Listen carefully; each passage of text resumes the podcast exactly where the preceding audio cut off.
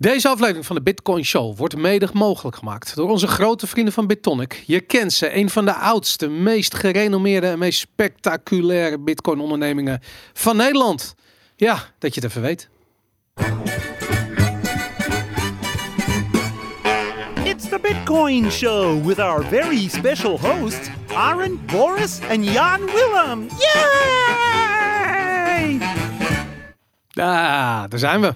Weer compleet. Nou, Eindelijk. nou hadden we weer dat glas in beeld. Jij zou er eigenlijk gaan zitten, hè? Oh ja, ik ben me Ja, vergeten Willem. mezelf groen te sminken. Ja, nou ja. En dan gewoon daar. Ja, als je jezelf groen vindt, word je eh, eh, doorzichtig hier. ja. Dat is een ding. Oh ja, Hey, ehm, eindelijk weer met z'n drieën, jongens. Dat, eh, dat heeft even geduurd. Klopt ja. Je was eh, in Singapore, je was in de Ardennen, je was eh, ja, opnieuw in Singapore, weer opnieuw in de Ardennen. Ik weet het niet. We hebben het steeds elke week hebben we het een beetje omgedraaid in het midden gelaten. Ja, zo ingewikkeld was het niet. De eerste week was ik op vakantie in de Ardennen en vorige week was ik in Singapore voor werk. Prima. Nou, dat, eh, dat, dat is geweldig. Ehm, laten we beginnen met iedereen bedanken voor eh, de enthousiaste hoeveelheid luistercijfers die we krijgen. We hebben net eventjes gekeken. We hebben op dit ogenblik geen aflevering meer die onder de 2000 ehm Hmm. eh, listens zitten. De beste afleveringen gaan al over de 5000 listens heen. Ehm, ja, fucking bizar in twee maanden tijd. Dat, eh, of eigenlijk alweer drie maanden, want het is de twaalfde aflevering, toch? Ja, dan zitten we nog binnen de drie zitten maanden, we nog binnen de drie maanden. Ja. Nou, ik vind dat eh, indrukwekkend, jongens. Hartstikke leuk. Hey, eh, we hebben ook een datum voor onze eh, eerstvolgende meetup. De eerste was legendarisch, Amsterdam Blast Galaxy. De tweede zal ongetwijfeld nog legendarischer worden. Ehm, ik weet dat mensen al hun Lightning Wallets aan het, eh, aan het voorbereiden zijn. Eh, het gaat plaatsvinden woensdag 18 december. Ja. Ehm, opnieuw van 6 tot 10 hier in Amsterdam. 6 tot 10 zeg ik dat goed? Ja, officieel 6 tot 9, maar vorige keer was het volgens mij 6 tot 11 uur. Dat maar was het goed, van dat, 6 tot eh, bam was het gewoon. ja. inderdaad. Ja. Dus dat eh, eh, kom daar gezellig naartoe. Je hoeft je niet in te schrijven. Er is wel een strikte no-photo policy. Die hebben we vorig jaar niet goed genoeg uitgelegd, denk ik. Nee, nou ja, goed. Op zich is het oké als mensen een foto willen nemen. Vraag het wel graag aan anderen als je een foto van ze, van ze wil nemen. Ja, absoluut inderdaad. Ja, anders staat Aaron de hele tijd ongevraagd zo heel zuur op die foto's te kijken. Dat, eh, Zuur. maar al die selfies die mensen met je willen nemen. Ja, maar eh, ik, ik, jij vindt mij, jij ziet eh, de modelkwaliteiten in mij niet voldoende dan, denk ik. Nee, je wel. Maar ik dacht van jij wil gewoon lekker anoniem wil je het op een zuipen zetten bij de Bitcoin eh, meetup. Maar ik dat- geniet van al die aandacht, Boris. Oké, nee, dan Ja, goed. ik, ben, ik ben, daar ben ik voor geboren. Oké, dus dan, Ik, dan, ik dacht dat iedereen dat wel zag. Dus dan is er een no-photo policy behalve de selfies met Aaron. Ja, ik poseer gewoon graag hoor. Ja, nee, dat snap Tuurlijk. ik. Ja, nee, gezellig. Ja, ja, ik kan- je, mag ook, je mag ook outfits meenemen en dan trek ik die voor je aan. En dan, eh, oh, zo zweer Vanuit het. verschillende Het hoeken. gaat. Ja, hoor. het gaat een verkleedavond worden. Vet. Nou, top jongens. Even kijken. De, wat hebben we nog meer? We hebben de Bitcoin Telegram groep. De Bitcoin Show Telegram groep. eh, t.me slash de Bitcoin Show. Over de 600, Over de 600. leden. Ja. meest intelligente bitcoiners van Nederland eh, zijn lid geworden. Er zijn er ook een paar eh uitverwijderd alweer. Gisteren en eergisteren. Die, Ja, toch, twee, die, ja. ja, die haalden toch die, die, die, die grens niet. Nee, nou ja, goed. Die, ja, kritische, dat, eh, die kritische drempel gingen ze over, helaas. ja, Wat, wat helaas. gebeurde er dan? Dan, dan word Jullie je, houden dit bij. ik hou erbij. Ja. Ik, heb, ik heb het drama live zien ontvouwd worden. Ja, hoe ik ook. Ja, Een ja. keiharde ban werd uitgedeeld. Het was Oh, ja. eh, onverbiddelijk. Was het. Onze, onze moderators die kennen geen genade. Dus dat, eh, ja. Nee, die doen goed werk. Heel goed werk. echt Bedankt, heel moderators. werk. Ja, die doen echt Absoluut, heel ja. supergoed Top. werk. Applaus voor de moderators. Ja, je probeert toch een beetje. Kijk, dit, het moet in principe zo zijn dat je gewoon vrije discussie eh, kunt, kunt voeren, maar wel binnen de bepaalde grote lijnen. En nou ja, goed, dat. Welke bepaalde grote lui? Als je ze Nou ja, er zijn twee chats en eh, eentje moet het toch wel redelijk over, over Bitcoin gaan en een de andere kan het wat vrijer zijn. Eh, En het moet wel enigszins netjes eh, blijven en eh, geen gedoks en dat soort eh, zaken. Ja, er was iemand aan het opscheppen. Ja, ziektes dat gegooid. Het is ongelooflijk. Ik zou dat nooit doen, echt. Nee. Dus, In de chat. In de chat. Het gebeurde gewoon in de chat. Ik heb Wat het live ik, gezien. wat ik nu allemaal hoor. Ja, de dingen die ik gezien heb, kan ik niet meer unseen. Maar over het algemeen, eh, ja, vindt er als je, hè, als je nog geen lid bent, heel veel discussie plaats. Ook een hele hoop mensen die eh, enorm veel eh, vragen beantwoorden en Ja. informatie verstrekken aan, aan anderen heel organisch. eh. Ik vind het zo cool dat, Dat er niet over prijs gepraat wordt. Ik vind dat zo cool. Ik weet, er zijn zo ontzettend veel van die Telegram ja, groepen. klopt. Nou, ik ga vanavond, dan gaat hij gaat die, gaat die pompen. Mag hoor. overigens wel in de off-topic. eh, In de off-topic mag het wel. daar dat- wel. ja, ja. Maar dat is gewoon ontzettend tof, weet je. Er zitten ook, naar mijn idee, mensen die misschien wat, wat nieuwer zijn met Bitcoin, die hele hoop vragen stellen en daar ook gewoon antwoorden op krijgen van alle mensen uit de groep. Dus Ja. weet je, helemaal cool. Ja, Absoluut. Ehm, had ik al gezegd dat de volgende meetup op 18 december is? ja, Die is namelijk op Dat 18 hadden we al december. Ja, ja. Eh, verder hebben we nog de bitcoinshow.gmail.com. Een e-mailadres wat eh, s- op zeer onregelmatige basis eh, gecheckt wordt. Eh, maar ik Deze sluit, week niet gecheckt. deze week niet, vorige week ook niet. Ik sluit niet uit dat het deze maand nog wel gecheckt gaat worden. Dat, eh, Misschien, misschien kunnen ze beter gewoon naar de Telegram channel komen. dat ook. dat ik werkt denk beter, eigenlijk dat het beter werkt. Ja, dat denk ik ook. Maar goed, ik ja, zal... we hebben ze juist in eerste instantie naar de Gmail gestuurd. Dus dit- nou, Nou. we geven een beetje conflicterende berichten. ja, we geven ik. zeker het conflicterende Ik, bericht. ik denk dat het erop neerkomt dat we misschien een beetje overweldigend, eh, dat een beetje overweldigend was hoeveel suggesties en eh, tips en vragen. En dat ik de login kwijt was van de Bitcoin en dat we Gmail. nog Ja. in eh, Ja. kwijt- Maar goed, we proberen er wel, we proberen er wel op in te. We doen ons uiterste best. We doen ons de uiterste Gmail best. te checken. Goed, ehm, even kijken. Het eerste, het eerste bericht is een heel ehm, blij bericht. Het is de geboorte namelijk van Spending Bitcoin. Spending-bitcoin.com. Een Ja. site van Mike. En Mike zit in onze Telegram groep. En die heeft een site gemaakt waarbij ik eigenlijk in één simpel overzicht kunt zien waar je allemaal bitcoin kunt uitgeven. Dus mochten je bitcoin zo hard branden in je zak dat je denkt van ik weet niet waar ik het aan moet uit. Ik heb al een Lambo, ik heb al alles wat waard je begeert. Dan ga je naar spending-bitcoin.com en dan ehm, ga je kijken wat er nog meer te Ja. koop is. En dan zul je verbaasd zijn wat voor soort mogelijkheden zijn om je bitcoin uit te geven. Ja, bijvoorbeeld, eh, nou, ik had deze week al zitten kijken en ik heb al twee dingen had ik mijn bitcoins naartoe gestuurd. Dus Oh. eentje was de Snowden Defense Fund Oké, ja. en de andere was de Internet eh, Archive. Dat vind ik alle Ah, twee Oké, je hebt eh, gedoneerd. Ja, goede dingen. En ik dacht, nou, Ja. dat is leuk. Dus eh, daar heb ik wat aan, eh, aan gegeven. En het is een vrij eh, uit, uitgebreid overzicht. Er staan echt best wel veel dingen op. Ja. Dus eh, ja, maar kijk er eens, eh, kijk er eens naar. Maar Misschien goed, ze zit er zijn niet allemaal beschikbaar in Nederland, denk ik, als ik zo even snel kijk. Oh ja, nee, dat is een ding. Speelt Nee, niet wel alles. is- het is niet puur alleen eh Dat is Nederlands. ook voor de American market, toch? Ja, er zaten wel wat Nederlandse dingen tussen waar ik het niet van wist. Ja. Bijvoorbeeld rookplankje.nl en matrassen.nl. Matrassen.nl, Ja, die accepteert bitcoin. Die accepteert bitcoin. En ook rookplankje.nl. Ik had het, ik had het, ik had er geen Rookplankje. geld op Ja, ingezet. dus wil is je, dat is eh, zo'n plankje die je gebruikt met de barbecue. Dus als je wil barbecuen in je bed, dan kan dat nu tegenwoordig helemaal voorzien worden met bitcoin. Barbecue in je bed? Ja, matrassen.nl en rookplankje.nl. Oh, dat is van dezelfde eigenaar natuurlijk. was mijn, was mijn, was mijn bedoeling om een Oh, grapje te maken. je, maar gaat, ik, eh, je bent zo het- scherp, ongelooflijk. Is het van dezelfde eigenaar? Waarom zeg je dat? Nee, maar als je Jan bed wil roken, dan kan het op je grapje. rookplank. ik maak gewoon een grapje. Ja. Oké, ja, nee, ik denk je hebt erover nagedacht. Dat, eh, Nou, niet echt, want blijkbaar was het niet zo grappig, maar goed. maar ik vond het grappig genoeg. Oh, Boris snapte de grap en maakte er een grap overheen. En dat Ah, snapte ik dan weer We niet. zijn We volledig het- langs we zijn elkaar heen aan helemaal het communiceren. hier. Het is zo moeilijk. Het is echt moeilijk, deze Bitcoin show. Eh, laten we dan naar een serieus onderwerp gaan. Want het was afgelopen week ehm raak in Tetherland. Ene John Griffin en ene Amin Shams. Die kwamen met een onderzoek waar ze maar liefst anderhalf jaar aan gewerkt hebben. Het was een peer-reviewed onderzoek. Wat eh, de verwachting doet wekken dat het ook enige kwaliteit in zich heeft. Gelukkig hebben we Jan Willem. Scherp als altijd. Nu komt de echte peer review. Maar echt. Je hebt er een kritische blik op geworpen. En dat was, eh, wat ging er door je heen?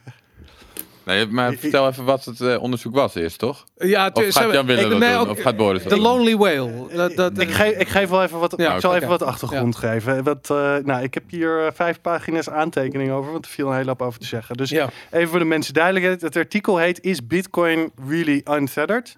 En de eerste versie daarvan, eh, gepubliceerd online, stamt uit 13 juni 2018. De tweede uit 28 oktober 2019. De eerste was niet peer gereviewd. Ja. De tweede wel. Die gaat nu ook in een Finance Journal gepubliceerd worden. Nou, wat staat er in dit paper? Eh, dus er is een algemene stelling eh, waar mensen het over hebben... dat in plaats van werkelijke marktvraag... cryptocurrencyprijzen kunstmatig omhoog worden gehouden... door ongedekte digitale valuta zoals Tether. Tether is niet Ongedekte digitale ongedekte. valuta. Ja, dus Tether is eigenlijk iets wat één op één zou moeten staan op een US dollar. Het is een cryptocurrency die één op één zou moeten staan op een US dollar. Daarom heet het een zogeheten eh, heet het stablecoin. En je Ja. hebt er nog eh, meerdere. Je hebt eh, van Paxful heb je er eentje. Je hebt de USD coin. Je hebt van. Gemini heb je, heb je er nog een. Dus je hebt er verschillende, maar Tether is wel een van de is de grootste. Ja. Nou, Ja. en, en de claim van Tether is ook dat ze daadwerkelijk dollars hebben om, om die, Dus, om wacht die even, de te backen. Onge de- het idee is dat de ongeclaimde, ongedekte tedders wel dan wel niet gedekt zijn door ongedekte dollars. Want dat is waar we het over hebben dan. Nou, en, en, eh, en inderdaad staat laatst natuurlijk ook een beleid gewijzigd. Dat ze in ieder geval gedekt is met assets. Ja, daar- dat- dat- ja. maar origineel stonden er daadwerkelijk dollars. Maar het is, een, het is een gigantisch verhaal. Want we hebben hier te maken met ehm Bitfinex, met een hack, met de Tether. Vervolgens met een ICO die gedaan is. Een token eh, die er kwam om de eh, hack te verbloemen. Vervolgens werd er beslag gelegd. Sterker nog, ze werden door de ING eruit gebonjourd. Ehm, ja, die Ja, dat is ook nog Ja, ze- ze- ze- dat ING was een huisbank. Ja. Door de bankier. ING juist niet, toch? Jawel, ja, ja. Ja. Ze hebben heel lang bij de ING gebankeerd. Volgens Ah, heeft de ja, ING gezegd nu wegwezen. Ja. Eh, toen kwamen ze bij een of andere eh drugswitwasbank terecht. eh, waar vervolgens eh, eh, door de Amerikaanse overheid voor 800 miljoen beslag werd gelegd. Of beslag werd gelegd op een rekening van 800 miljoen Hmm. dollar. Dat zou zogenaamd de, de, de, de- dat zou de dollars zijn die dus die tether, uitgegeven tether zouden moeten eh, Ja. dekken. Ehm, maar die zijn dus nu in beslag genomen. Toen hebben ze opnieuw een token uitgegeven voor 1 miljard dollar. Dat is gelukt. Eh, vervolgens is nu laatst ook die directeur van die, van die eh, crypto eh, fonds, wat bij die bank hoorde, is gearresteerd in Polen. Dus ze krijgen nu een 800. Eh, ja, dat is van de payment processor die ertussen Oh, die zat ertussen. Ja, Ja, die daar nu- is beslag op gelegd op dat geld. Ja, dus als zodra je het over Tether hebt, gaat er een hele berenput open aan van alles en, Ja. en nog wat. Ik heb zo direct, voor zo direct heb ik al iets van een geschiedenis, maar Uh-huh. het is bij lange na niet compleet. Want als je het over Tether hebt, dan heb je ja. het over zo'n saga, maar En het, we hebben het over jaren aan, aan, aan discussie. Aan discussie. Maar Ja, voor de aan- duidelijkheid, het idee van Tether is in ieder geval, je hebt Tethers en je kan ze altijd inwisselen voor dollars. Dat is het idee. En dat is het idee van de meeste van die, eh van die stapel. En je kan ervan zeggen wat je wil, maar als je kijkt naar de afgelopen jaren, dan is de tether nooit meer dan 10% onder of boven de waarde van of de prijs van een dollar geweest. Nou, en, en ook maar Dat heel weet ik kort, niet. zelfs als dat al Als gebeurde. Dan, kort dan, als dat dan, al dan werd dat altijd weer rechtgetrokken. Juist. meestal gewoon ongeveer een dollar. Ja. Maar goed, dus, de- dus dat in die zin een succes, toch? Er is dus een stelling dat eh Bitcoin-prijzen niet, of cryptocurrency-prijzen niet, eh, zeg maar, door natuurlijke marktvraag zo hoog zijn geworden. Maar het idee dat het komt omdat er kunstmatig Ja. de prijs wordt omgegooid door ongedekte, vooral tedders, maar misschien ook door andere cryptovaluta die gebackt zouden moeten zijn. Wacht even, maar even Ja. dan. Wat, de- wat proberen de auteurs van dit paper nou te doen? Of wat beweren ze? Zij hebben een analyse van Tether gedaan in een periode van 2017 tot en met 2018 Mhm. die dit idee van kunstmatige ondersteuning van cryptocurrency prijzen bevestigt. In het specifiek beweren zij dat de bitcoin en cryptocurrency prijsboom uit 2017 hoofdzakelijk gedreven werd door ongedekte tedders en vooral het werk was van één wil. Maar wacht, dat zijn drie dingen die ze zeggen. Ten eerste dat het één whale was, wat opvallend is. Ja, Ten tweede dat, het, eh, dat die prijs eh, eh, in 2017 zo hoog is gaan door tedders. vooral door ongedekte tedders. Maar het feit dat die tedders ook nog eens ongedekt waren, Het is specifiek door ongedekte tedders. Want als het door gedekte tedders, dan was het niet zo'n dan was het een sustainable prijs. Ja, dan, dan was het uit natuurlijke marktvraag. Laten we beginnen met die eerste. Dat het dus een eenzame whale was. Die besloot op een regenachtige eh, maandag in december... is eventjes de prijs van bitcoin... van... Misschien moeten we eerst even uitleggen wat achtergrond geven over. Tether. Misschien is ja, dat, is goed. Zullen we Ja, dat nee. eerst doen? Want, Ja. Ehm, goed, dit verhaal trouwens, dat is misschien wel interessant. Het is door alle media gelijk opgepikt. Ja, Eh, natuurlijk. Bloomberg, Yahoo Finance, Newsweek, MIT Technology, eh, Wall Street Journal, dat gebeurt. Zodra er iets Eh, negatiefs over bitcoin... Wall gemeld Street. Journal, large Bitcoin player manipulated price sharply higher, study says. Weet je wel? Ja. Dus het, eh, nou ja, goed. Ehm, eh, even kijken. Ik, ik heb een hoop kritiek op dit artikel. Ja. Daarmee probeer ik niet dat moet ik even bij zeggen, te zeggen dat ik een Tether fan ben. Want dat, dat, dat is niet. Het is Maar niet wie per is er, ik- bestaat er zoiets als een Tether fan? Nou, weet ik niet of dat ik heel Dat, veel eh, vertrouwen Nee, heb maar, in maar dat is wel dat- vervelend inderdaad. Ja. Want als je die, die leugens over Tether probeert te ontkrachten, dan word je meteen gezien als iemand die daar Een shitcoiner. of die vindt dat je. Tethers moet aanhouden. Ja. of zo. Nee. Tether is een slecht idee. Dat betekent niet dat alles wat mensen over Tether zeggen waar is. Maar dit is natuurlijk eigenlijk, en dat is wel interessant, dit artikel gaat over Tether, maar het wordt direct gebruikt als Bitcoin FUD. Dat vind ik in die Dat gaat altijd hand in hand. En Ja. het is ook heel toevallig Ja. dat het altijd van de no-coiners vandaan komt. Dus zo die Absoluut, Tether. ja. Toeval. Inderdaad, ja, nee, dat, dat Mm. Wat achtergrond over Tether. ja. Voor de mensen die er misschien wat minder bekend mee zijn. Ik heb echt alleen maar de headline, want je noemde al van alles. Ik heb echt alleen maar wat hoofdlijnen. ja. Dus eh, het Tether is het idee dat het eh, een cryptocurrency is die volledig gedekt is door de US dollar. Een van de kernproblemen van de afgelopen jaren is dus dat het niet helemaal duidelijk was of die daadwerkelijk wel of niet volledig gedekt zou zijn. Dus Ja. om het voorbeeld te nemen, op 14 maart 2019 beweerde Tether Limited dat Tethers niet alleen door cash, maar ook door leningen, eh, dat zei jij net al, eh, gedekt was. Leningen die zijn Maar dat is naar aanleiding van die in het inbeslagname van die 800 miljoen geweest. Ja. Toen hebben ze dat Eh, gedaan. Dat zou Toen kunnen, hebben ja. ze ja, dit, ja, toen dat zou kunnen. Ja. Eh, op 30 april 2019 beweerde de advocaat van Tether Limited dat Tethers maar voor 0,74 dollarcent per Tether gedekt waren door cash en cash equivalents. Eh, er is nooit een goede audit gedaan van wat Tether Limited nou precies aan assets heeft. Daarmee bedoel ik niet dat er nooit iets is gedaan. Dus hun bank Deltec, ze hadden eerst een bank die gekoppeld was aan Wells Fargo. Die hebben op een gegeven moment rekening gesloten. Eh, maar hun bank, eh, hun nieuwe bank Deltec heeft in een brief in oktober 2018 vermeld dat ze 1,8 miljard aan USD aan assets zouden hebben. Wat inderdaad op dat moment alle tethers die in omloop waren gedekt eh, zou hebben. Maar dat is wel iets anders dan een audit. Dus een audit ga je echt naar alle processen kijken en dat soort Ja. dingen. Dus dat hebben ze nooit Ter gehad. verdediging van Tether. Ze hebben geprobeerd om een partij te vinden die een audit kan doen. En niemand wilde zijn vingers eraan branden. Eh, ze hebben wel een partij gehad die een audit aan het doen was. Die hebben op een gegeven moment om onduidelijke reden ontslagen. oh, oké. Dus goed, dus eh, er is nooit een echte audit gedaan. Waarom is die dekking van Tether zo belangrijk? Ehm, als Tether daadwerkelijk een substituut is voor dollars of voor euro's, dan moet het wel volledig gedekt zijn. De reacties dat dollars ook nergens voor gedekt zijn, vind ik niet een hele, hele goede. Want eh, ik bedoel, de, de dollar maakt niet de claim dat het gedekt is, bijvoorbeeld volledig door goud of iets dergelijks. Dus dat is naar mijn idee toch wel iets anders. Want het idee is dat tethers compleet als substituut Ja. voor dollars en euro's gaan. Dus dat is wel Het geeft een gevoelsmatig iets meer waarde dan een pak een beet willekeurige andere shitcoin die sowieso door niks gedekt is. Ja, Oké, nou je hebt dus je, je kunt wel verifiëren daarbij hoeveel eh tethers er zijn. Er zijn namelijk, eh, om exact te zijn, vier tethers. Eh, vier tethers. Ja, dollars die op bitcoins eh omnilayer worden uitgegeven. Euro's die op bitcoins omnilayer worden uitgegeven. En dollar en euro tokens als eh, op Ethereum als Ja, ERC20 oké, eh, tokens. Maar je Ja, kunt dus niet... nu op Liquid toch ook, sinds vorige week of sinds kort? Is niet wat, wat dat je dat Dat bedoelde met de bitcoin ik denk-? Ik denk dat ze. Omni gingen migreren naar Liquid. Dat zou kunnen. Dat heb ik... Voor mij is dat eh, heel recent. Ja, dat zou raar dat zijn om ze allebei te gebruiken. Maar goed, misschien dat dat... eh, ja.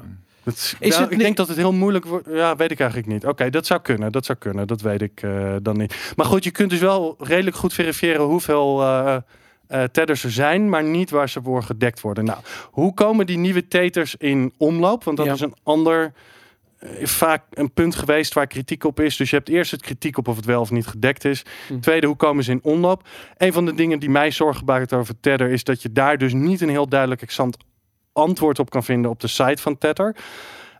Wat ik ervan begrijp, hoe ik het begrijp, is het dat ze eh, nieuwe tethers alleen issuen via Bitfinex. Ja. Dus Bitfinex die eh, geeft een som met geld eh, in dollars aan Tether Limited en daar ruil en voor krijgen ze nieuwe tethers. Of, maar dat gebeurt niet zo vaak, als, als Bitfinex dollars wil voor de tethers die ze hebben, dan geven ze die tethers terug aan, aan Tether Limited en krijgen ze daarvoor sorry, krijgen ze daarvoor dollars terug. Maar Eh, daar zijn- zijn twee dingen aan de hand, volgens mij. Want eh, eh, ten eerste, als jij bijvoorbeeld gewoon als een... een, een stel je voor, je, je, je wil een miljoen steken in bitcoin. Ja. Je doet dat via Bitfinex. Dan koop je, dan ben je gedwongen om eerst tethers te kopen. Omdat Bitfinex niet een in- en uitgang, zeker in 2017 niet, direct had voor je euro's of je dollars. Dus je, je, je ontkwam er niet aan dat je eerst die tethers moest kopen. Die stuurde je naar Bitfinex. Ja. Eh, en daarbij kocht je bitcoin. Dus dat verklaart ook dat verhaal dat die tedders eh, werden. Als je dan zo'n verhaal zegt van 500 Nee, miljoen aan dat, nieuwe tedders. dat klopt niet. Als Nee, je gewoon is- geld naar Bitfinex, dan doen zij achter de schermen, maken ze er zeg maar tether van, of hoe je dat wil zeggen. Maar dat maakt dus geen verschil of je dollars hebt bij Bitfinex of tethers, want het staat op dezelfde bankrekening. Ja, ja, dat, dat- er is geen wezenlijk verschil tussen De- die als twee. gebruiker merk je dat misschien niet, maar omdat zij niet een eh, bankrelatie hadden, eh, hebben ze dat uit elkaar getrokken. Mhm. En daardoor zul je voor elke dollar die er dus naar Bitfinex gaat, eh, zal een tether naar Bitfinex gaan. Ja, oké. Dat is wat maar dat is dus wel een technisch- technicality, zeg I- maar. Inderdaad, maar dus eh, mensen hebben dat niet in de gaten, maar dat is hoe eh, Bitfinex heeft omzeild dat ze geen bankrelatie hadden. Ah, ja. Daar hebben ze tether voor. Ja, en, dat is, en dit is de hoofdreden van waarom Tether überhaupt bestaat. Omdat heel veel banken geen bank, of sorry, heel veel exchanges geen bankrelatie eh, konden, konden hebben. Ja. Maar toch wel dollar liquiditeit wouden geven. En dat konden ze doen eh, middels, die, middels die tethers. Ja, en dat is ook gelijk het succes van Tether geweest in 2017. Omdat er bijna geen exchanges waren waar je gewoon je dollars of je euro's naartoe... Wat, wat bijna iedereen nu heeft. Nou ja, en vooral niet al die eh, shitcoin casino's. Daarom. Die, die gebruikten het vooral. Maar gewoon in, die tijd, eh, wat was er groot? Bitfinex, Kraken, eh Ja. Poloniex Ja, misschien. en shitcoin Ja, inderdaad. casino's. Ja, maar bijvoorbeeld Binance, Binance. dat, dat, Binance, dat was ja. toen nog heel nieuw, weet je. Dat, dat, dat was er was toen toen net. toch al super groot, 2017. Ja, einde misschien wel, Toen al de grootste. Ja, dat, maar ja, oké. Ja, en Even- een van de dingen die daar heel belangrijk bij is geweest, volgens eh Elaine O, eh, voor, volgens Chain Analysis, Elaine O noemt dat in een in de artikel, Mhm. Eh, de ban in China op cryptocurrency exchanges in 2017 heeft ervoor gezorgd dat heel veel Chinezen hun yuan om hebben gezet in bitcoin en daarna in tethers en daarmee op buitenlandse exchanges zijn gaan, zijn gaan handelen. Maar daar heb ik een vraag over. Technisch gezien, misschien weten jullie dat. Als je, ehm, ik weet dat tethers eh, op veel exchanges gebruikt werden om even uit, tussen aanhalingstekens, je trade te stappen en dus even vast in dollars te zitten. Eh, ik denk dat veel mensen zich niet eens realiseren dat ze, dat, het, dat ze tethers kochten, maar dachten dat ze gewoon een soort van dollarrekening aanhielden op hun exchange. Ehm, ten eerste, die... ehm, Nou, meestal is dat toch wel duidelijk hoor. Op een oh, er staat Ja. USDT, maar eh, je wil, wil niet weten wat een, wat een leger aan debielen eh, helemaal uit zijn plaat is gaan op dat soort shitcoin casino's. En dus dat gewoon helemaal nooit in de gaten had. Maar het was bij mijn weten niet mogelijk om Tether naar je eigen wallet te sturen, omdat alsof het een bitcoin is weg te halen van exchange. Nee, kan wel. Je kon het wel? Oké. Ja. Ja? Oké, dat- dat heb ik- heb ik technisch nooit Er zijn, eh, de, nou ja, van wat ik ervan weet, zijn er wel wallets waar je op die manier ook tethers kon vasthouden. Oké. Oké, maar ik En- durf Maar ja, dat het niet. kan misschien per exchange verschillen of je ook echt tethers gewoon withdraw. Ja, Ja, dat- ik heb dat- nooit op die shitcoin casino Ik ook niet. gezeten, dus Ik- ik, weet het eigenlijk niet. ik weet ook niet hoe dat ik- werkt, Ik ging er altijd vanuit dat dat wel gewoon kon. Ik, volgens Ja, mij was dat dat, niet zo vanzelfsprekend. Nee, dat kan volgens mij ook gewoon. Ja, Ja? Nou goed, Ja, oké.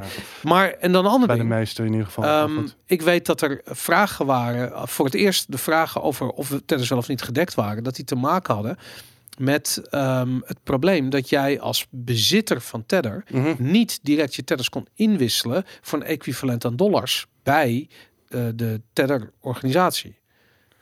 Ja, dat ging op een gegeven moment alleen maar... Je moest minstens 100.000 of zo. om- Ja. Het ging om grote bedragen. Maar je kon Ja. bijvoorbeeld wel op Kraken bijvoorbeeld. Ja, je kon Daar- wel daar bijvoorbeeld was, op daar Kraken. was wel een exchange met echte dollars. Ja, dus je zou, je zou vermoeden dat de grote exchanges een, een soort van relatie hadden met Tether, waarbij ze grote bedragen in één keer konden omwisselen naar dollars eh, versus Tethers. Dat dat zou werken. Dat, zou, dat doet dit vermoeden. Alleen ik weet dat er een aantal eh, journalisten zijn geweest die hebben geprobeerd om gewoon wat Tethers om te wisselen Ja. naar dollars. Wat in de tijd op de website gewoon stond dat dat kon.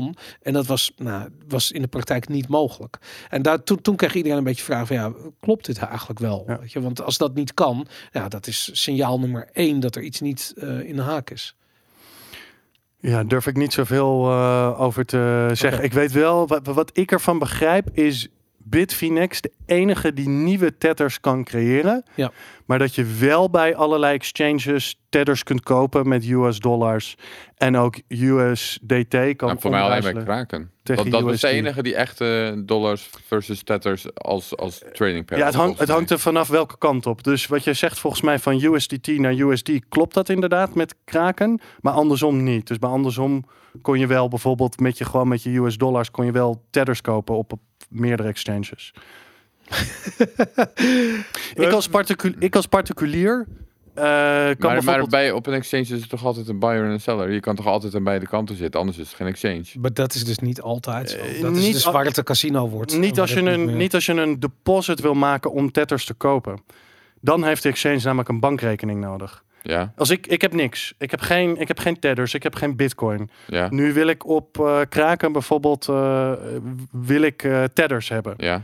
Dus ik moet aan hun geld sturen naar hun bankrekening. Ja. En dan krijg ik tethers. Nou ja, nee, dan eh, trade je tethers met een andere krakengebruiker. Dat, de- dat in- is hoe exchange Nee, maar hoe kan ik dat- exchange is gewoon maar een hoe kan ik dat In de praktijk werkt dat zeker niet zo. Dat Als weet ik ik- echt heel zeker. Als dat ik dat al bitcoins heb, maar niet als ik nog niks heb. Als ik nog niet in de cryptocurrency world zit. Ja, Hoe, hoe, kom ik? Ik kan er niet. Maar Kraken heeft gewoon een dollarrekening. Met Of een eurorekening. ik Dus kan daar er niet met US dollars dan Ja, gaan kopen. Je kunt Tuurlijk alles wel. kopen met Nee, US dan? dollars. Tegenwoordig hebben ze gewoon een, een ik dollarrekening. snap je vraag niet. Je stuurt dollars naar kraken. En iemand anders, een andere gebruiker van kraken, stuurt tether naar kraken.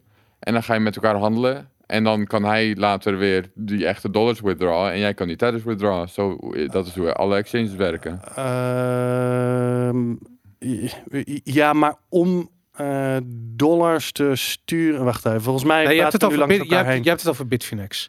Want op Bitfinex kun je gewoon niet een, een, een, naar een bankrekening dollars overmaken die je volgens Ja. als krediet krijgt op eh, Bitfinex. Dat kan daar niet. Op Kraken kan dat, Dat nou kan juist wel.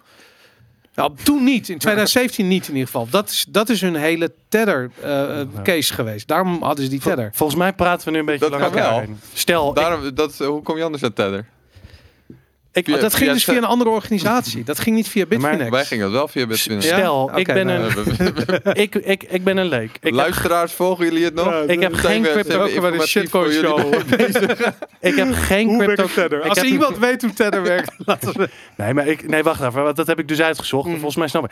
Ik heb geen cryptocurrency. Ja? En ik wil cryptocurrency eh, hebben. Ik wil Ja. bijvoorbeeld tethers hebben. ja, dat heb ik begrepen. Ja, maar dan, moet ik dus op een exchange zitten die dollars accepteert, die een bankrekening Ja. heeft. Of euro's. Ja, Oké, maar dan zijn we het toch met elkaar eens. Maar dat gaat dan niet via een andere gebruiker. Dat tuurlijk gaat via wel. de Hoe kom je de, die tethers komen van een andere gebruiker van als je als je op kraken handelt. Dat is iemand met tethers, die wil juist Maar dat is een hebben. theoretische... In de praktijk ging het anders. Dat Kraken kocht gewoon vooraf een hele zooi... eh, of sorry, Kraken kocht een hele zooi tether in bij Bitfinex. Zodat ze juist dit soort trades... eh, Ja, maar wacht even, wacht even. Het gaat even. Waarom zouden ze dat het doen? gaat even te snel. Waarom zouden ze dat soort risico's nemen? En waarom zouden ze niet Ah. gewoon gebruikers met elkaar laten wordt over dealen? Het gaat helemaal- gaat te snel. Omdat ze, omdat ze die kunstmatige... Ze hadden de, die USDT als trading pair hadden ze nodig. Hoezo nodig? Waarom heeft Kraken dat nodig? Kraken verdient gewoon geld aan trading fees.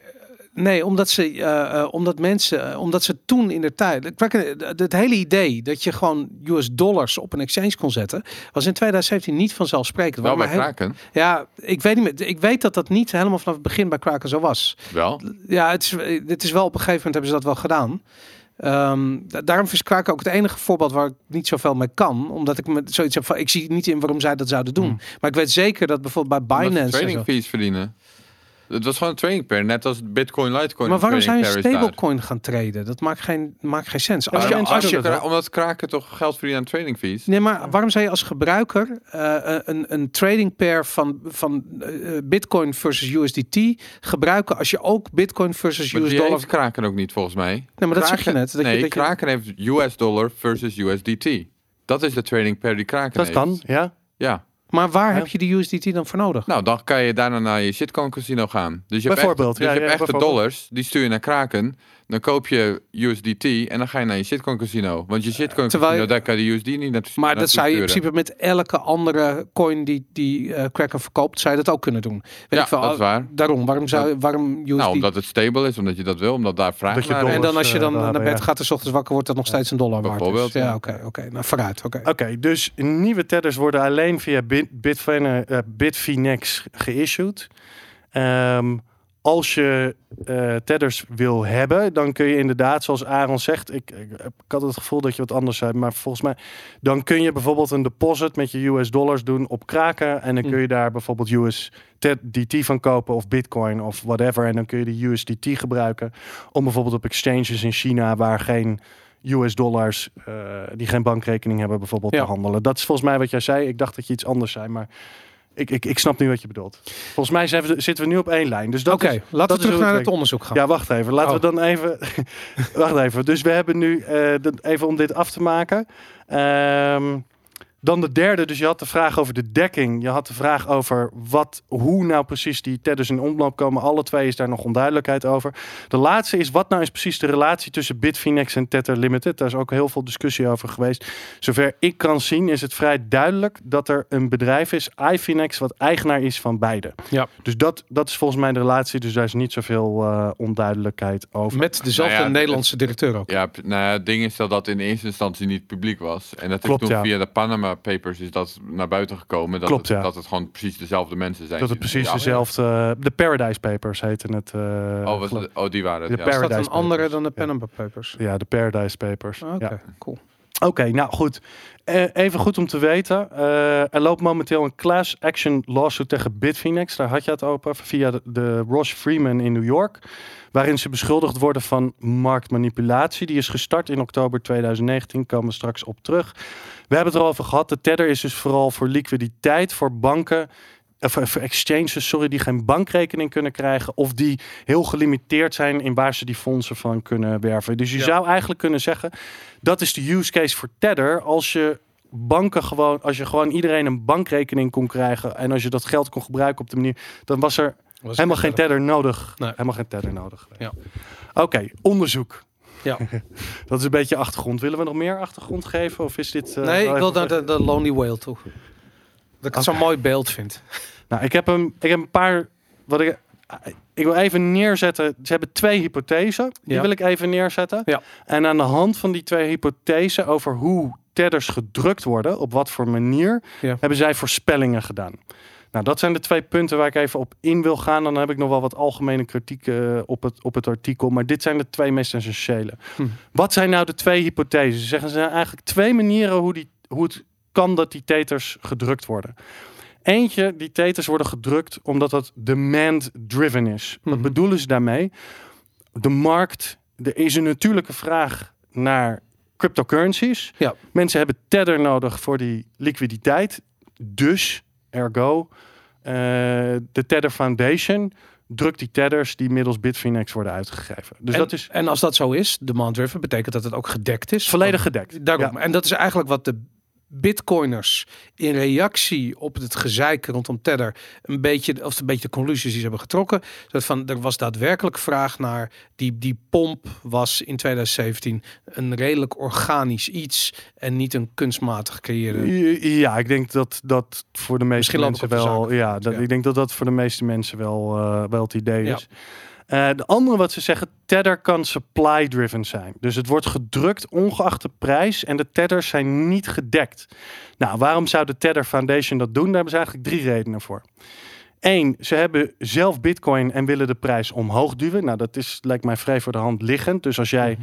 hè, eh, tegenover de markt kan doen alsof de USDT allemaal gedekt zijn en je drukt Tuurlijk. tethers die niet gedekt zijn, je kunt die prijs heel, omhoog eh, drijven, ja. prima. De andere, dat je er pri- price floors mee kan eh, creëren. Dus hè, als de bitcoin prijs aan het, eh, aan het zakken is en je wilt weer naar een hoger niveau, dan kun je tethers drukken, bitcoins opkopen en dan langzaam die eh, bitcoins weer verkopen om die ongedekte tethers zeg maar te compenseren Ja. met, eh, met ja, er weer uit, uit de omloop te halen zeg maar. Het laatste wat ze zeggen, de andere motivatie, de Tether Foundation kan defaulten op zijn verplichtingen met tethers. Mocht er van alles misgaan met de cryptocurrency bedri- prijzen. Wat ze eigenlijk hier zeggen, de Tether Foundation heeft altijd de optie tot een exit scam. Van, Ja. we hebben Het is een gecentraliseerd eh, Zo- project. dus zoiets. Ja. nou, twee opmerkingen. Eén, ze hebben het over de Tether Foundation. Maar eigenlijk zou de Tether Foundation dit samen met Bitfinex moeten doen. Want het, ja, nou ja, goed, het is dezelfde partij. Maar, Maar ook dat dezelfde technische. directeur en COO volgens mij Ja, het zijn de, het zijn er dus Het grotendeels drietal volgens dezelfde, mij, ja. dezelfde mensen. Daarbij de eerste twee motivaties, hè, ongedrukte tedders om de prijs op hoog te schroeven en om een kunstmatig de prijs hoog te houden. Als je het dat, dat vind ik, dat, dat snap ik. Maar derde motief dat ze kunnen exit scammen, ik, ik snap niet waarom dat zou leiden, de motivatie zou geven om ongedekte, ongedekte tedders. Nou, nou de, te de, de, motivatie is om gewoon een gigantische hoeveelheid bitcoin in je bezit te krijgen. En dat die exit scam de, Maar- daarop volgt is vanzelfsprekend. Ah, oké. Goed. Nou, nou snap ik. Oké, maar dat hebben ze dan niet goed uitgelegd. Want ze hebben het da daar over dollars. Ja. En ik bedoel, ik heb zoiets van ja, die dollars, ik bedoel, die moeten ergens vandaan komen. Dus als je ongedekte ja. tedders aan het drukken bent, dan. Maar inderdaad, als je ze via vervolgens zou gebruiken om bitcoins te verkopen en die weer daar, dat, dat, oké, op die manier zou het kunnen. En wat ook nog zou een- kunnen is Nou, dat... de- je had het artikel moeten lezen, ik niet. Maar Nou, dat ik heb, ik, heb het, ik heb een poging gewaagd. En ik vind het echt zo dapper van je dat je de volledige. Ja. eh, eh, het is volgens mij 45 pagina's eh, onderzoek. Plus nog eens een keertje 60 pagina's aan. Ze hadden het naar mijn idee in zes pagina's. ja, dat idee had ik ook inderdaad. Maar goed, maar laten we, laten we doorgaan. Want, eh, ja, oké. Goed, dus dat zijn Dat de zijn de hypotheses, ja. De demand-driven, nou, wat hebben ze dan? En dat is op zich een hele logische stap. Hebben gezegd van, oké, als nou die demand-driven als dat, het scenario, als dat waar is, Ja. dus dat die tethers grotendeels gedekt zijn en door marktvraag komen, wat voor dingen, wat voor observaties zouden we dan kunnen verwachten? En toen hebben ze gezegd, oké, wat als nou die supply-driven scenario, als dat waar is, wat voor observaties kunnen we dan verwachten? Oké. Nou, en daar gaat het naar mijn idee helemaal, Helemaal de mis. helemaal de mist in. Ja. Want dat, dat klinkt. hier komen de aannames om de hoek. Nou. Ja, de demand-driven. Ja. Ze hebben eigenlijk, zeggen ze, oké, als het demand-driven is, moeten we twee observaties zien. De eerste, wat ze zeggen, in tijden dat er meer algemene vraag is naar cryptocurrencies, zou de prijs van Tether relatief aan USD omhoog moeten gaan. En als de algemene vraag naar cryptocurrencies omlaag gaat, zou de prijs van Tethers tegenover USD relatief omlaag moeten gaan. Dat is toch ook gebeurd?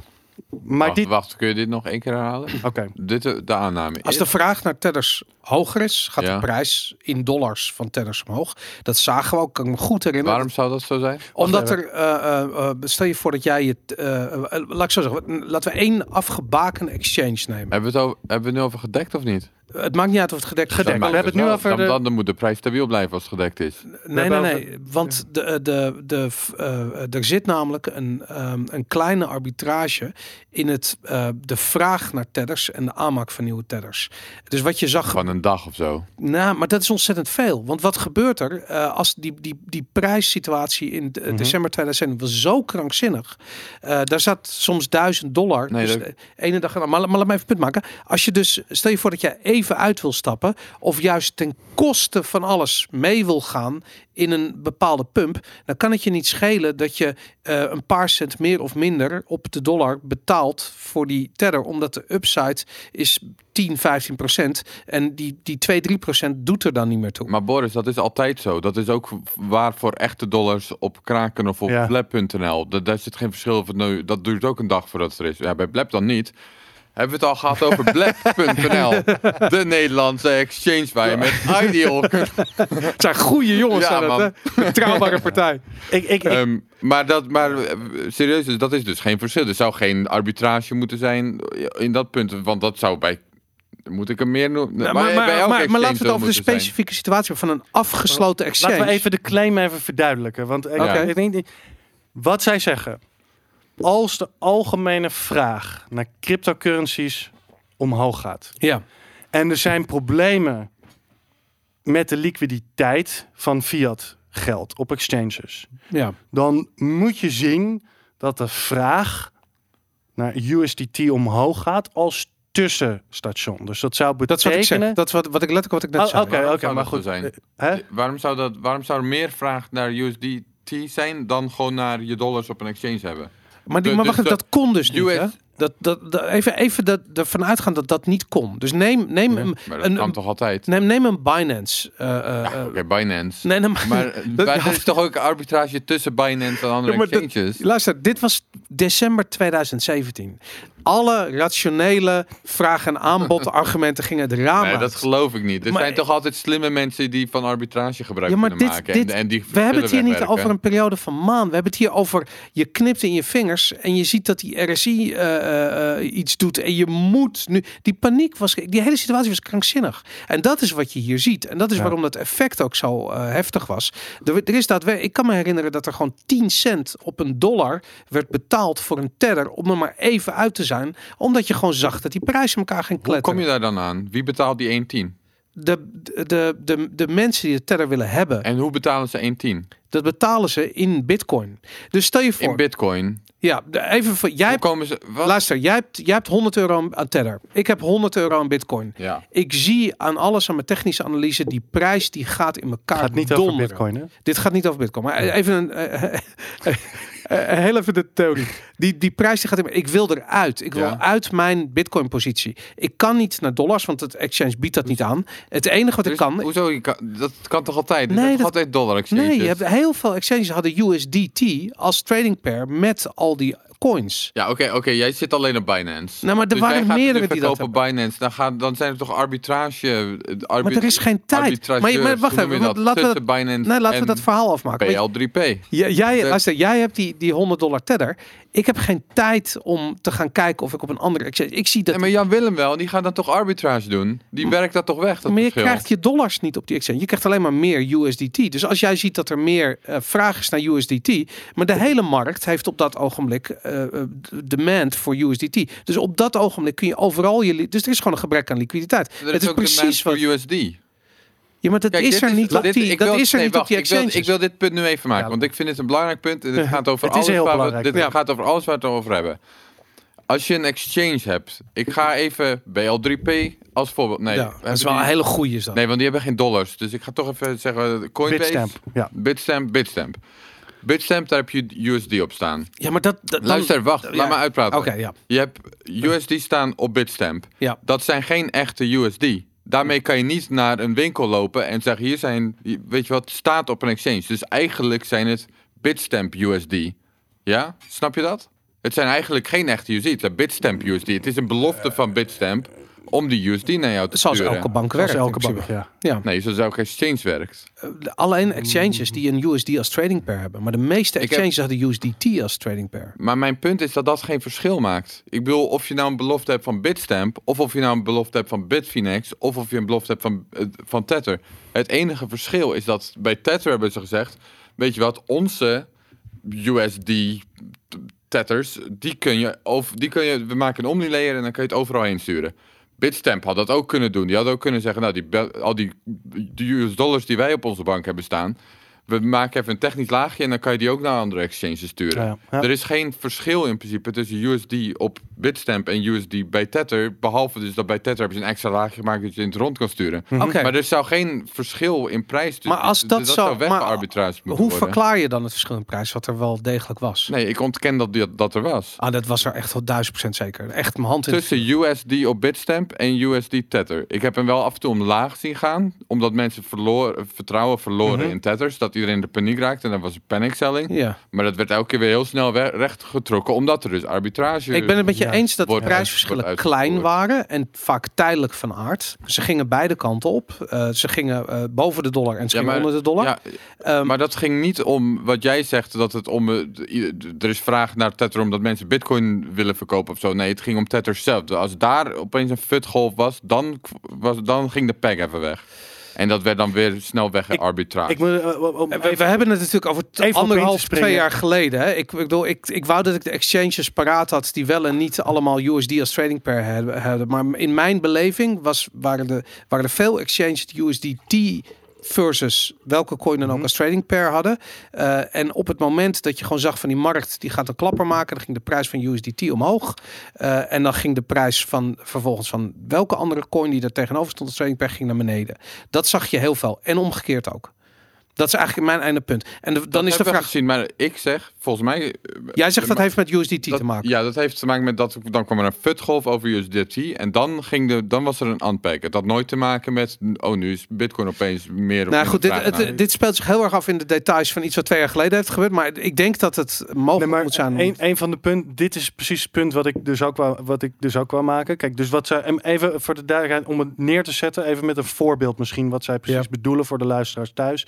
Dus eh, ik eh, wil bijvoorbeeld eh, Monero kopen op Bittrex. Ik Ja. kon dat niet direct doen met dollars. Dus wat ga ik, ik doen? Ik, ik wil tethers eh, kopen met mijn US dollar op Bitfinex. De vraag van USDT gaat omhoog, dus die wordt meer waard dan Nee, een- er komen meer, worden meer gedrukt op dat moment.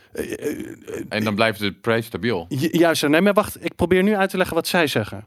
Laat me even, Oh, dus ik probeer even uit te leggen ja. wat zij beweren. Dus de USDT relatief tegenover de dollar, de vraag gaat omhoog. Met die tethers ga je vervolgens op die exchange om die... Nee, maar jij, jij vertelt het verhaal nu vanuit jezelf. Jij wil nee, nee, Monero nee. kopen, dus jij gaat ik probeer nu uit te leggen kopen. wat zij, wat zij proberen uit te leggen. Maar dat klopt toch niet? Wat zij proberen uit te leggen is dat Tether of iemand of die will het uit zichzelf, dat het uit het Daar hebben we het nog helemaal niet over, over gehad. Daar We komen we hebben zo nog op. over- De context over- waarbinnen dit gebeurde hebben we nog niet eens wacht besproken. even. We hebben het nu over de demand-driven hypothesis. Dus zij proberen... Oh, de demand driven Ja, hypothesis. Ja, maar dan is het dus backed.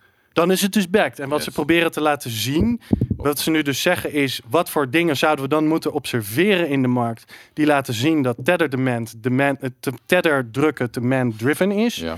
Dan zou je moeten zien dat in tijden dat mensen echt cryptocurrencies willen, de USDT tegenover de USDT in prijs relatief omhoog zou moeten gaan en andersom omlaag moeten gaan. Mijn Maar dat kritiek klopt toch niet? Dat, maar Maar daar dat ben is ik het met Aaron eens. Dat is raar. Dat is toch, hoe is demand driven? Nee, maar wa- wacht even, ik probeer dit nu vanuit wat zij zeggen. Ik zeg dit niet, want mijn kritiek Ja, nee, is maar ik- namelijk maar ik- hetzelfde ik zeg als ook die wat van zij- jullie. Ja, maar als zij Maar laten dit- we dan met z'n allen- Als zij dit zeggen, dan zijn het echt idioten. En dat is, ik geloof je ook kunt ze toch niet- unlimited Mijn- bijdrukken? Als Ja, er meer precies. vraag is, druk je toch meer bij. Dat is toch precies wat er gebeurt? Mijn kritiek was ten eerste dat de tetherprijs niet alleen beïnvloed wordt door marktvraag naar cryptocurrencies. Wat jij al zei, als er FUD news zijn. Ik had nog een ander voorbeeld. Wat had ik nou ook nog? eh voorbeeld? Nee, wacht, wacht, wacht. Als, als, als het scenario wat jij nu uitlegt, als dat gebeurt. Dus Ja. iemand wil Monero kopen op Bittrex. Ja? En daarvoor wil hij USDT hebben. Dan stuurt hij dus USD naar Bitfinex. Ja. En dan gaat Bitfinex even naar de achterdeur en die ruilt het in voor USDT. Ja. En dan betekent dus dat in de achterdeur worden meer USDT gemaakt nu, want ze hebben meer dollars. En dat is backed. Nee, Dus maar dat nu- is meestal niet zo. Wat? Dus? Waarom is voorkomen- dat Hoezo niet zou zo? dat niet zo Omdat, zijn? omdat eh, de Tether Foundation eh, niet iedere keer als ik individueel USDT Ja, Oké, ze doen het in batches. ze doen het in En, batches. en die ja. houden ze gewoon achter en Klopt, ze ja. worden pas vrijgegeven. Ze worden pas aan Ja. Bitfinex gegeven, zeg maar, op het moment dat ze naar de En dat zijn die lopen. berichten die je zag van 500 miljoen nieuwe tethers uitgegeven. Dan krijg je Mhm. dat soort shit. Dat gebeurde Ja. er om de zoveel tijd. Ja. Oké, dus het eerste... Maar dat kritiek- heeft dus geen, dat, eff- dat heeft geen invloed op de prijs. Maar dus, Dat- want, dus, want het, dus want het hun staat daar aanname... gewoon vast op de Omni-lane en niks te doen. Ja, dus wat zij zeggen, hoe zij... Het de laatste keer dat ik een discussie met jullie over Tether Maar, begin. maar wacht even. Dus, dus hun... Ja, al drie kwartier helemaal los dat gaat. Ja, maar als, als hun demand-driven theorie ondersteund wordt door het feit dat de prijs van USDT schommelt ten opzichte van USD, dan heb ik zoiets van dat is een volledig verkeerde aanname. Nee, nee, nee. Als de natuurlijke vraag naar cryptocurrencies omhoog gaat. Dat is hun bewering. Ja. Ik zeg niet dat die waar is. Maar ik heb aanname geprobeerd- toch? Bewering, aanname? Nee, dat is hun bewering. Ja. En ik heb geprobeerd uit te leggen wat ze daarmee bedoelen. Ik denk ten eerste dat de USDT-prijs ook door andere dingen betaalt. Be- Bijvoorbeeld, Aaron had het al over de FUD cycles. Mhm. Daarbij is het ook nog zo eh, dat inderdaad, wat volgens mij Aaron ook probeert te zeggen, dat de foundation op zo'n toenemende vraag heel snel USDT zou kunnen drukken. Dus het is een beetje, het is niet een heel goed onderbouwde claim wat ze hier maken. Nee. Dat is volgens mij. Dat is waarom ik een aanname zou doen. Daarom je? ben ik benieuwd of zij het wetenschappelijk hebben weten te staven in hun peer nou, een van mijn kritiekpunten is op ze maken dus dit. Ze beweren dus dat je dan dit soort dingen zou observeren zonder dat heel grondig eh, eh, onder te onderbouwen. Oké. Dus het is. Nou goed, ik, oké. ik vind er de hele claim zo absurd dat ik niet geloof dat ze dat zeggen. Nee, dit ik zeggen bedoel, ze. het is net Ze, zoiets ze zeggen dat wel. het is Dat- net Dit zeggen ze letterlijk. Het ja. is net zoiets als zeggen, als meer mensen PayPal gaan gebruiken, dan, gaat de, dan gaan je dollarwaardes op, op PayPal omhoog. Ik bedoel, natuurlijk niet. Het is gewoon de er fees worden- op PayPal of zo. Het is gewoon aan te maken, ja. Ik, ik deel jouw sceptisch. Ja. Oké. We zijn het met elkaar eens. Dus ik hier. probeerde alleen neer te zetten wat zij zeggen. En ik deel jouw sceptisch. En, nou Maar, ja, maar het goed, probleem, het is dus niet alleen dat zij twee theorieën hebben, of twee hypotheses hebben bedacht, waarvan de eentje eh, waar is en de andere niet, bij wijze van spreken. Al, al per, per de eerste hypothese, namelijk dat als hij demand-driven is, dan ziet dat er op een bepaalde manier uit. Daar hebben wij met z'n drieën nu al fundamentele problemen mee. Daar gaat het al fundamenteel mis. Ze Ja. hadden nog een tweede punt. eh, dat je zou moeten zien dat ze... eh, hè, dus nogmaals, als die demand-driven hypothesis is... Nou, punt 1 hebben we het net uitgebreid. En dit is niet eens het ergste, hè, want ik kom bij, zo, Ja. kom ik bij supply-driven... en dan gaat het helemaal mis. Dus, maar goed. Dus, Volgens mij zitten we hier vanavond nog. De tweede, even voor de vorm zal ik hem opnoemen. Hm. Eh, is wat zij zeggen is wat je nog meer zou moeten observeren. Dus de tweede, je zou drukken van Tether moeten zien in tijden dat er grote arbitrage is tussen exchanges. Misschien ook naar mijn idee is dit totaal niet onderbouwd waarom je ze dat zou moeten zien. Dus ik, ik goed, bij de demand-driven hypothesis kun je al grote vraagtekens, maar dan komen we bij de supply-driven hypothesis en daar gaat het dus naar mijn idee echt mis. Ja. Dus supply-driven hypothesis. Wacht even hoor. Oké, dus dit is het idee dat de Foundation samen met Bitfinex ongedekte tedders aan het drukken zijn met als motieven om die Bitcoin-prijs omhoog te duwen en Mhm. kunstmatig in de gang te houden. En om eh, eh, eventueel te exit scammen. En daar zegt ze van, dan zou je vijf dingen moeten observeren. Dat zegt ze in eerste instantie. Daar kom ik zo op Bij de terug. Want het is heel erg verwarrend hoe ze dit doen. En ik heb ook een uitleg, want ik ben helemaal de geschiedenis van dit paper ingegaan om eh, waarom ze dit op zo'n raar manier. Maar wat ze in eerste instantie lijken te zeggen is, dan zouden deze vijf dingen zouden we moeten observeren. Ja, wij gaan hier echt voor vanavond negen uur weg. Als de Tether Foundation probeert de markt te stabiliseren naar negatieve periodes, zou je een outflow van Tether en een inflow van Bit- Bitcoin moeten zien bij Bitfinex. Nou, de uitleg staat er niet bij, maar het idee is eigenlijk dan dat de Bitcoin-prijs een premium krijgt door Tether-creatie op Bitfinex. En zul je zien dat daar Bitcoins naartoe trekken en Tethers ervan wegtrekken. Ik Nou, snap daar waar ze heen willen, maar ik Daar vind ik het mee eens. zo... Ja? Ja, tuurlijk. Als je, dan, dan, als je uit het niet tethers gaat drukken om bitcoins mee te kopen, dan krijgen we Wacht prijsverschil. maar Bitfinex. Per, eh, Ja. Ten Dat er- opzichte van andere Dat er een premium kan ontstaan, daar ben ik het mee eens. Maar toont dit aan dat het supply-driven money creation is. En daarvan zou ik zeggen nee, want je zou precies hetzelfde zien als het demand-driven hypothesis waar is. Bitcoin-prijs gaat omlaag. Mensen willen instappen. Ze willen dat doen via tethers. Dus de vraag gaat omhoog. Bitfinex heeft nieuwe tethers nodig. Die worden bijgedrukt. Maar, Er is minder schaarsheid van tethers op Bitfinex dan andere exchanges. Dus een, det- een Nee, tether is nee, relatief minder dus- waard op en ik kan, Bitfinex. ik kan dus uitleggen waar je denkfout zit. Je zegt Ja? mensen willen dat doen via Tether. Waarom zouden ze dat per se willen doen via Tether? Waarom zouden ze dat niet willen doen via Kraken? Maar dat kan ik- die vraag kan ik beantwoorden. BL3P? In Ja. december 2017 waren er maar er waren minder exchanges dan nu. En bijna alle exchanges hadden een gigantische backlog aan KYC. Dus als jij wilde traden, Bitfinex toch ook? Eh, bij Bitfinex eh, kon je als grote trader nog terecht, omdat je vanwege dit hele verhaal.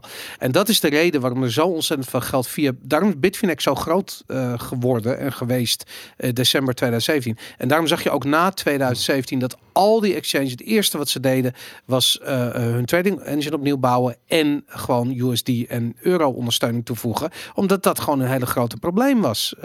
Oké, dus wat jij zegt is de markt werd geduwd, gestuurd vanuit Bitfinex, omdat ze daar minder strenge KYC-e-mail-achtige dingen Voor hadden. grote klanten. Nou, dat, inderdaad. dat zou ook een eh, verklaring kunnen zijn. inderdaad. Maar, maar niks daarover, ni- niks van deze observatie zegt dat het drukken van tethers demand of supply driven Nee, is. dat is, dat is, Dat dat is is het punt. absoluut. Dat Dus slaat ik ben het er wel mee eens. Het kan zo gaan. Maar, alleen, nee, nee, nee, maar dat maar- zeggen ze ook niet per se, denk ik. Nee, dat Ze zeggen ze. Ze zeggen, dit is één van de dingen die je zou dat zien. is een van de dingen maar ze zeggen denk ik niet per se, als je dit Jawel. ziet, dan is het per se het geval. Dat zeggen ze in eerste instantie. Dus laten we daar even van uitgaan dat ze het nu daadwerkelijk zeggen. En daar komen ze later op terug. Maar Ze zeggen dan is per se het geval, bedoel je, dan is het per se supply dus maar één driven. mogelijke, dus maar één mogelijke verklaring als je Ja. bij Bitfinex de prijs ze zeggen dit zou... In dat- eerste instantie zeggen ze dit. Boris zou- heeft nu een andere verklaring gegeven. Ja. En ik denk dat zou kunnen zijn. Ik ben eh, niet de groot. Ik weet niet of het ja. klopt of niet, maar dat De- is inderdaad een De tweede. Bitcoin-prijzen zouden omhoog moeten gaan nadat Tether de markt opkomt, zeker als dat grote aantallen zijn. Ook mijn antwoord, ja, maar zo wat. Dat is ook het geval met de demand-driven hypothesis. Dus waarom zou dit een relevante indicator zijn voor de supply-driven hypothesis? Ja, die Ja. snap ik ook niet. De derde. Bitcoin moet een reversal zien naar negatieve returns. Zeker wanneer Tether de markt opkomt. Maar, Dit- maar de- denken ze dan dat als het supply-driven is, dat er dus in één keer een gigantische golf van tellers op de markt komt, in plaats van een, eh, als het demand-driven is, dat het een wat meer gestaag is? Dit is zijn- dat een beetje de Dit zijn de dan? observaties die zij noemen.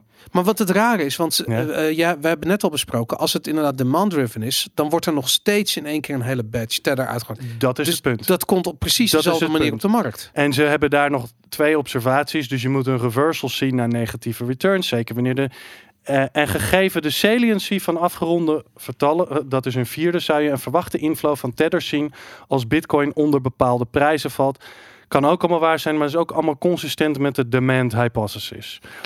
Oké, de laatste is wel iets. Dat zou wel iets meer kunnen aantonen, Oké. naar mijn idee, van een supply-driven markt. Want even voor duidelijkheid, dit is de peer review doorgekomen. Ja, dat maar vind ik echt Er is, hier zo, er is hier zo nog wel een kanttekening bij. Maar die gelukkig. kanttekening Mhm. die zij maken, daar komen ze naar mijn idee er nog slechter vanaf. Oké. Als Tether niet geheel gedekt is door dollars in eerste instantie, zou je verwachten dat de Tether Foundation bitcoins liquideert tegen de tijd van accounting statements om genoeg dollarreserves aan te kunnen tonen. Dit zou dan negatieve returns in bitcoins moeten aangeven, zeker in periodes met grote uitgaves in Tether. Dus het idee is eigenlijk, oké, we hebben te veel Tether uitgegeven, nu moeten we wat van ons bitcoins verkopen, zodat we aan kunnen tonen aan de end of month statement dat wij genoeg dollars hebben voor de backing eh, van Tether. Dat zou misschien eerder iets kunnen zijn, maar als, zelfs als dat zo is, toont het eerder aan dat misschien Tether niet ten alle tijden gebackt is, in plaats van dat het helemaal niet gebackt is. Mhm. En ten tweede maakt het ook minder sterk het argument dat de bitcoinprijs kunstmatig omhoog gehouden wordt, want je moet nog steeds die bitcoins liquideren om die tethers te kunnen, kunnen dekken. Dus dan lijkt het meer op een soort van margin trading of Ja, zoiets maar in dat, die geest. ik Dus denk dat is- dat er misschien wel... Want ik heb het idee dat hier allemaal eh, eh, aannames achter liggen nog die niet genoemd worden. Maar stel dat... Nou, sterker nog, ze geven hier niet een hele goede duidelijke Nee, dat klopt. Dat, is het ook. Want stel Ja. dat, dat die drie eigenaren van eh, eh, iFinex Company... dat die gewoon gigantische posities hadden Hmm. op Bitmax. Ik zeg maar wat. En door middel van die Tether-creatie de prijs van Bitcoin eh, ehm, eh, aan het sturen zijn. Dat zou een re- dan zou ik het geloven. Ja. Alleen er wordt helemaal niets over gezegd. Dat wordt ook niet aangetoond. Dat is ook nooit aangetoond. Dat is... Ja, dat, dat- alleen in dat soort scenario's zou dit sens maken. Maar dan komt de Geloof kikker. jullie- De kikker? Ja, oh, sorry, ga maar. Ik wil de kikker. Nee, mijn vraag is maar algemeen. Misschien moet je eens naar de kikker. Ik ga eerst naar de kikker. Want wat nou namelijk lijkt is of ze dit... eh, ze zeggen eerst in instantie duidelijk, formuleren ze dit als... Dit zijn de observaties voor de supply-driven hypothesis. Maar dan komt er een paragraaf aan het einde van dit stukje. En die zal ik even voorlezen. While these hypotheses need not all follow from the pooled hypotheses... Hypothesis. En de pooled hypothesis bedoelen ze supply-driven. Ze hebben daar een ander pooled en pushed. Eh, ze hebben ja, daar ja, academici die ja. extra woorden verzinnen die verder helemaal geen verduidelijking geven. Dus laten we het maar de supply-driven hypothesis noemen. H2A to HT2, H2T2, oh, sorry, Wat er? 1 tot en met 4, hypothesis 1 tot en met 4. Examine if the flow of tether into the market is consisting with creating price supports and inflating Bitcoin prices. And only the last hypothesis examines if the potential price impact is due to unbacked printing of tether, which can have an inflationary effect on Bitcoin. In the next section, we discuss the data and detail behind testing these hypotheses. Dus wat doen ze? Ze geven ons eerst allerlei hypothesen waarvan over observaties die ze denken dat te maken hebben met supply-driven hypothesis. Volgens een paragraaf, ja, oh by the way, de eerste vier observaties hebben eigenlijk helemaal niks te maken met die supply-driven hypothesis, alleen de laatste. En ik denk, hoe kan dit nou? Dit is een hele rare manier.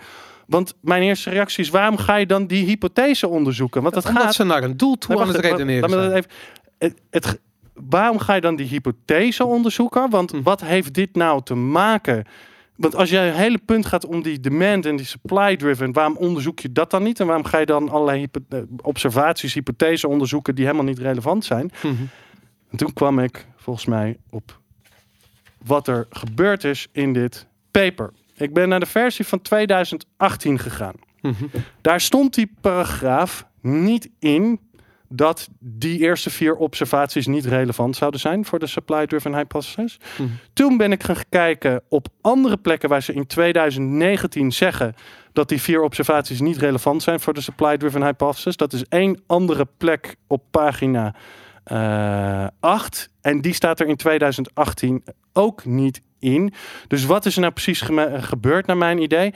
Ze hebben eh, in de oorspronkelijke paper hebben ze eh hypothese opgesteld over wat ze zouden moeten observeren met die demand en die supply-driven hypothesis. Daar hebben ze heel veel kritiek op gehad. Bijvoorbeeld door Alex Kruger van de Blok.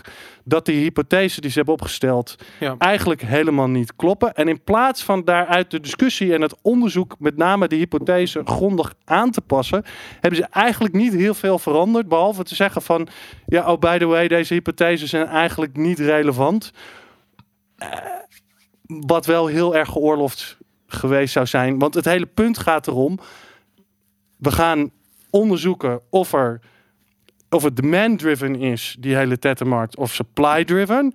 We gaan allerlei observaties opstellen, maar eigenlijk zijn die observaties helemaal niet relevant om te laten zien Nee, of dat dat. gaat hun om de conclusie. En het, en het lijkt er echt op. En het ze- enige waar ze blij- inderdaad mee overblijven is een soort van halfslachtige supply-side hypothese, is dat verhaal over die Ja, periodic maar statement. het lijkt dus wel, en dat, dat, daarom vind ik het al gelijk ontzettend shady. Het lijkt er wel op alsof dit hele onderzoek gebouwd is op de gedachte van wij gaan Tether als schuldige aanwijzen voor één grote marktmanipulatie in dat 2017. denk ik dus niet. Weet je wat ik denk dat het is? Nee. Ik denk dat ze allerlei kritiek hebben gehad en eh, een beetje halfslachtig geprobeerd die kritiek hebben erin te verwerken. Dat, Oh ja? dat denk ik, ja. Ik- ik vind het heel en je wilt zwak. toch een paper publiceren. En je wilt toch een Want, paper ja. publiceren. Ja, en dit gebeurt heel veel in de academische wereld. Ze hadden gewoon de kritiek die ze erop hebben gehad, dat die hypothese die ze hebben opgesteld, want ze waren echt van overtuigd dat die hypothese wel te maken hadden met de Mhm. demand and supply driven eh tether creatie eh, in eh, hun eerste versie. En ze hebben dat gewoon niet grondig aangepakt in de tweede. In de tweede. Dus ja, en dan daarna gaan ze allerlei analyse doen over prijsrelaties tussen. Maar ik heb zoiets van ja, dat is gewoon, dat doet er helemaal niet Ja, er is ook veel ander Want die- onderzoek wat ze erbij hebben aan de haren hebben bijgesleurd. Eh, Ja, en, en, en op zich had je gewoon dit onderzoek ook in zes bladzijden kunnen doen. Want het enige wat je eigenlijk hebt, is die end of month periodic gewoon een podcast statement. kunnen opnemen van En een uur en dan waren ze er geweest. Eén uur, we, we gaan nog een uur door. Ja, eh, daar ga je nog wel even over ik door. wil, Wat we- ik wil ehm, Ja. dit was mijn vraag. Mijn Ja. vraag. Denk, denken jullie dat het überhaupt kan? Dat je de bitcoin prijs kan manipuleren via zoiets als Tether? Ik denk wel dat het zou kunnen, ja. Ik denk namelijk dat dat best wel beperkt is. Ja? Ik denk, de reden is omdat als je... eh, De, de, het risico van tethers hebben... is Mhm. dus dat je ze op een gegeven moment niet meer kan inwisselen voor dollars. Ja. Hè, dus er zit een risico vast. Zeker als, je, het- als het Mhm. fractional reserve is. Of als er helemaal niks achter zit. Dat, er zit een risico om dat te houden.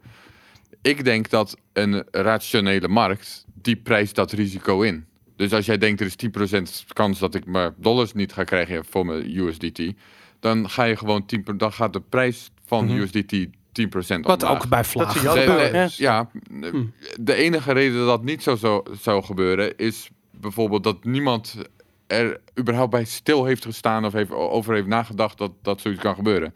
Maar die Tetherfut horen we al jaren overal. Dus iedereen heeft erover nagedacht van wat is het risico. Ja. Dus inderdaad een paar keer. Nou ja, dus, dus ik geloof niet dat het gebeurt. Dat, dat, dat, dat je daarmee de prijs van bitcoin he- heel lang kan blijven manipuleren. Ik bedoel, in plaats daarvan ga, word je gewoon, ben je je tether aan het inflaten, weg aan het inflaten. Ah, er is wel één ding. bijdrukt. dat, dat, ik, maar, dat ik het idee heb dat mensen zich bewust waren van de risico's. En ook zoiets hadden van.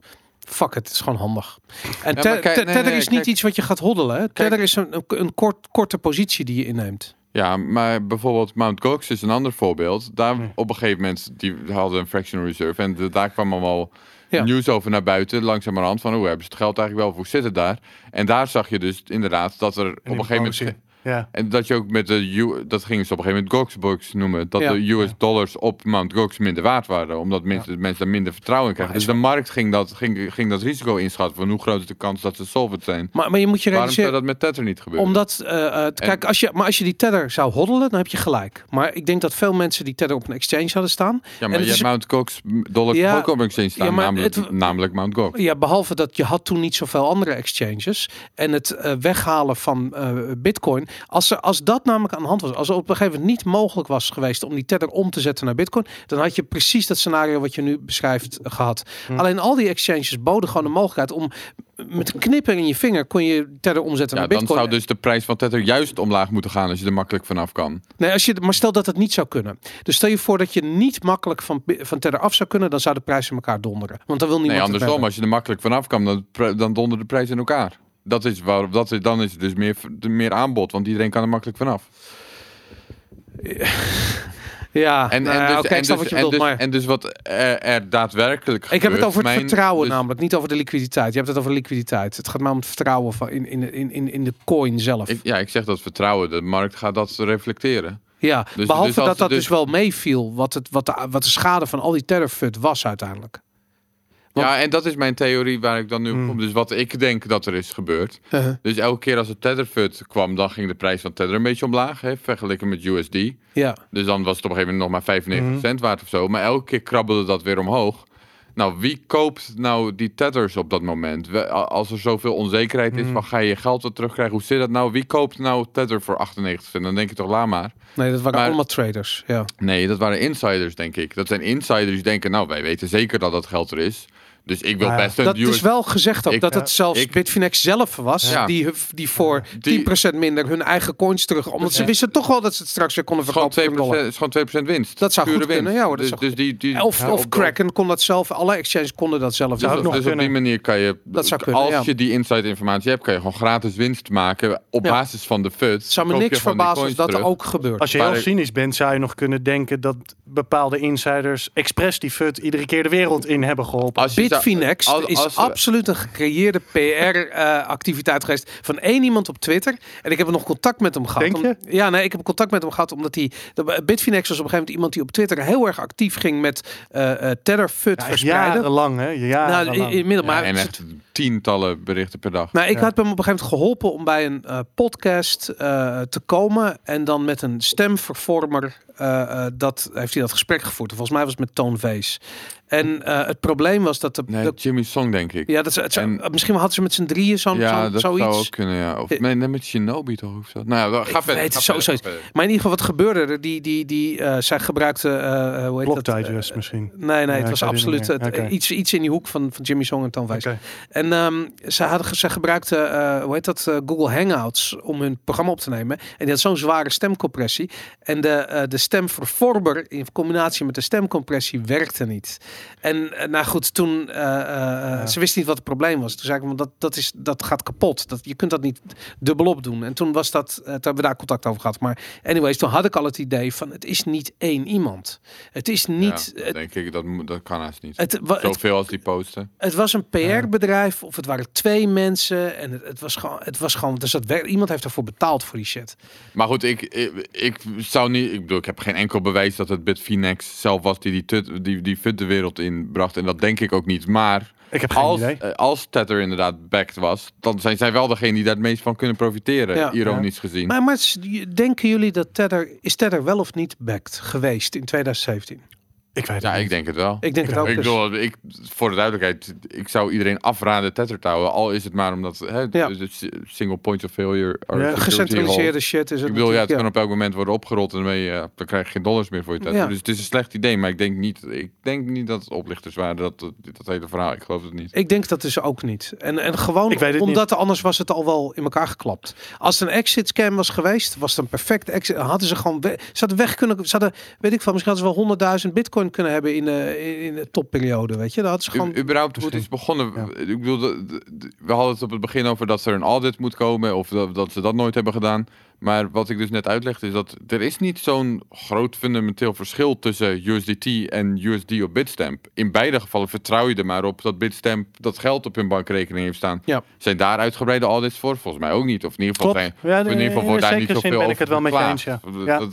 Het enige verschil is dat dus Tether maakt het gewoon publiek van nou, handig voor andere exchanges. mogen Nou, er is, wel, er, er is wel een groot verschil. En dat zit hem erin dat de, eh, USDT wel daadwerkelijk echt een token was op de exchange. Nou, Nou daardoor had je de, Wat- kon je de prijsschommelingen zien ten opzichte van de andere, eh, van de pers die die had. Dus een dollar is gewoon, een, die Dat vertegenwoordigt zie je gewoon ook één. bij andere. Nee, dat is dus juist wat ik probeer Ja, uit dat- te leggen, dat is- Boris. Als je USD op eh, Bitstamp hebt, dat kan je ook niet bij de slager uitgeven. Dat is Nee, ook ik- een ik- belofte van Bitstamp dat je er echte dollars voor terugkrijgt. Dat snap ik. wil. Alleen het is op de exchange niet een token.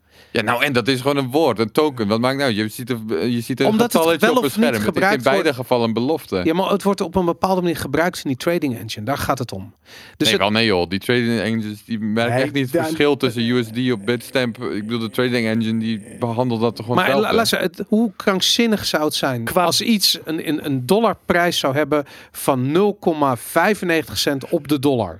Hoe krankzinnig zou dat zijn? Nou, Op dat een- heb je dus gezien bij dus gezien. Ja. Eh, ja, maar omdat daar was dat, maar dat was Nou ja, ook een dan- krankzinnige Nou situatie. ja, wat je dan vooral dus ziet, is dus dat de prijs van bitcoin daar hoger is. Maar dat betekent dus eigenlijk dat de prijs van dollars daar lager is. Daarom gingen mensen het Goxbugs noemen. Omdat het vertrouwen wegvalt in de liquiditeit van de dollar. En dat, Nee, van de... Je, je ja, van de dollar van de gok, ja. naar de dollar, eh, wha- whatever. Maar dus de gokbugs. Maar Aaron heeft wel het juiste punt volgens mij. Waarom die focus op Tether? Want je balans in euro's of dollars op, op, op, whatever, op Bitstamp, op Gox, whatever, is subject aan, zeg maar aan, dezelfde, aan, aan hetzelfde concept dat je niet weet of dat wel allemaal op een bankrekening staat. Ja, dat, nou ja, oké, dat- dat is waar. En sterker nog, als staat op een bankrekening, is er ook nog fractional reserved. Dus dat, Kijk, eh, en wat mijn... eh, Dus eh, wat ik denk dat er eigenlijk... Wat hier nou... Wat zit hier achter? Waarom is dit elke keer weer, ook zo, weer weer zo groot nieuws? Ja, ik denk dat je hebt mensen... We noemen ze no-coiner. Ja. Hè, die hebben al sinds 2013 van Bitcoin gehoord. Of Ja. sinds 2014 of sinds 2015. en die hebben gedacht, wat een onzin. mhm. En, maar ze zijn het wel in de gaten blijven houden. En die prijs die gaat maar omhoog en die gaat maar omhoog en die gaat maar omhoog. En op een gegeven moment ga je excuses, ga je voor jezelf verzinnen waarom je geen idioot bent dat je het niet hebt gekocht. Ga je Ja. voor jezelf verzinnen waarom je geen, waarom het geen slechte keuze was. Nee, het was wel goed, maar de prijs is gemanipuleerd. Daarom je ik zoekt conspiracies. Wat heel menselijk zoekt- is. ja, dat, ik denk dat het heel menselijk is. Dat je, je wil jezelf vertellen waarom je geen idioot bent. Dus als je dan dit soort dingen hoort, dan wil je eigenlijk dat dat je wil iets is. kunnen verklaren wat in jouw hoofd niet eh, eh, verklaarbaar over het, is. Over het voor duidelijkheid, als je geen bitcoin koopt, hebt gekocht, ben je niet per se een idioot. Maar ik denk dus Niet? dat... Eh, In 2013. Maar goed, oké, maar sorry. goed, Ja. het is inderdaad... Ik, Ja. ik denk, dat zit er achter. Die mensen, die- die- je wil voor jezelf weten van... Ja. Ik heb geen fout gemaakt. Daarom, de fout ja. ligt ergens Je anders. hebt de hele, is en zeker in die wereld, de, de, de, de financiële media en de institutionele financiële wereld, is dat absoluut aan de hand. Daar ben ik helemaal met je eens, ja. Zijn we daar aan het eind is, van ja, Nou, ik- Maar want je noemt op het begin Ja. even op al die publicaties die hierover hebben geschreven. Dat is toch... eh, Ja, eh, wat gebeurt daar inderdaad? Allemaal nemen ze Ja, dit het maar wordt allemaal heel Ja, snel, is eh, Maar, de- maar daar heb ik wel een mooie tweet over gezien vandaag. En dat was iemand die zei van je moet, je niet, je moet niet de aanname doen dat iemand die een artikeltje schrijft voor Bloomberg, dat dat echt een financieel expert is. Dat is gewoon een tussen aanhalingstekens journalist die verstand heeft van wat voor soort artikeltjes veel kliks opleveren.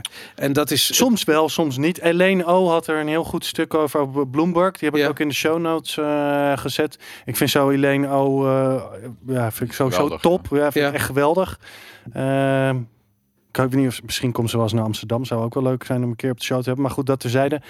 Eh zij had hier gewoon een heel mooi eh, eh, stuk over. Ik heb nog een mooie quote van haar. maar dat, daar kom ik zo nog wel even op, want ik heb nog wat meer. Ehm, maar goed, ja, inderdaad. Hè, de rest denkt het ah, ja, toch wel. Ja, ze zeggen wel een studie beweert, maar dat is ja. Maar ja, Maar zijn er dan niet heel erg kritisch op? En Nou, dat- ik vind, het doet mij heel erg denken aan een, een ander onderwerp wat ik heel erg volg. En dat is, dat is de voedingsindustrie en de door de voedingsindustrie betaalde onderzoeken. Die ook alle kanten op gaan, zolang ze maar in het belang van de betalende partij zijn.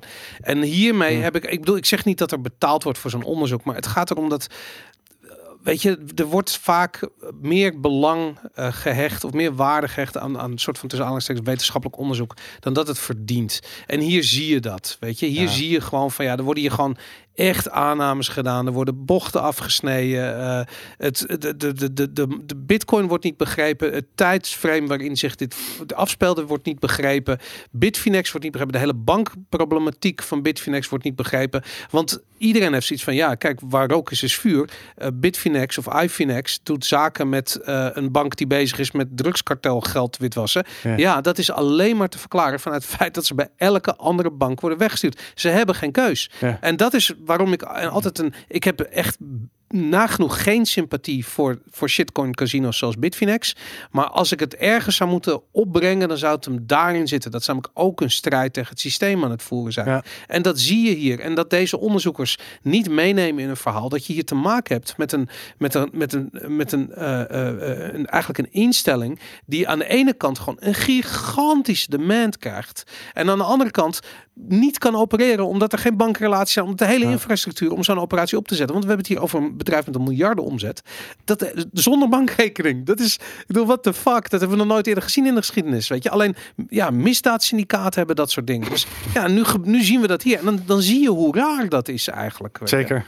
Ja. Maar goed.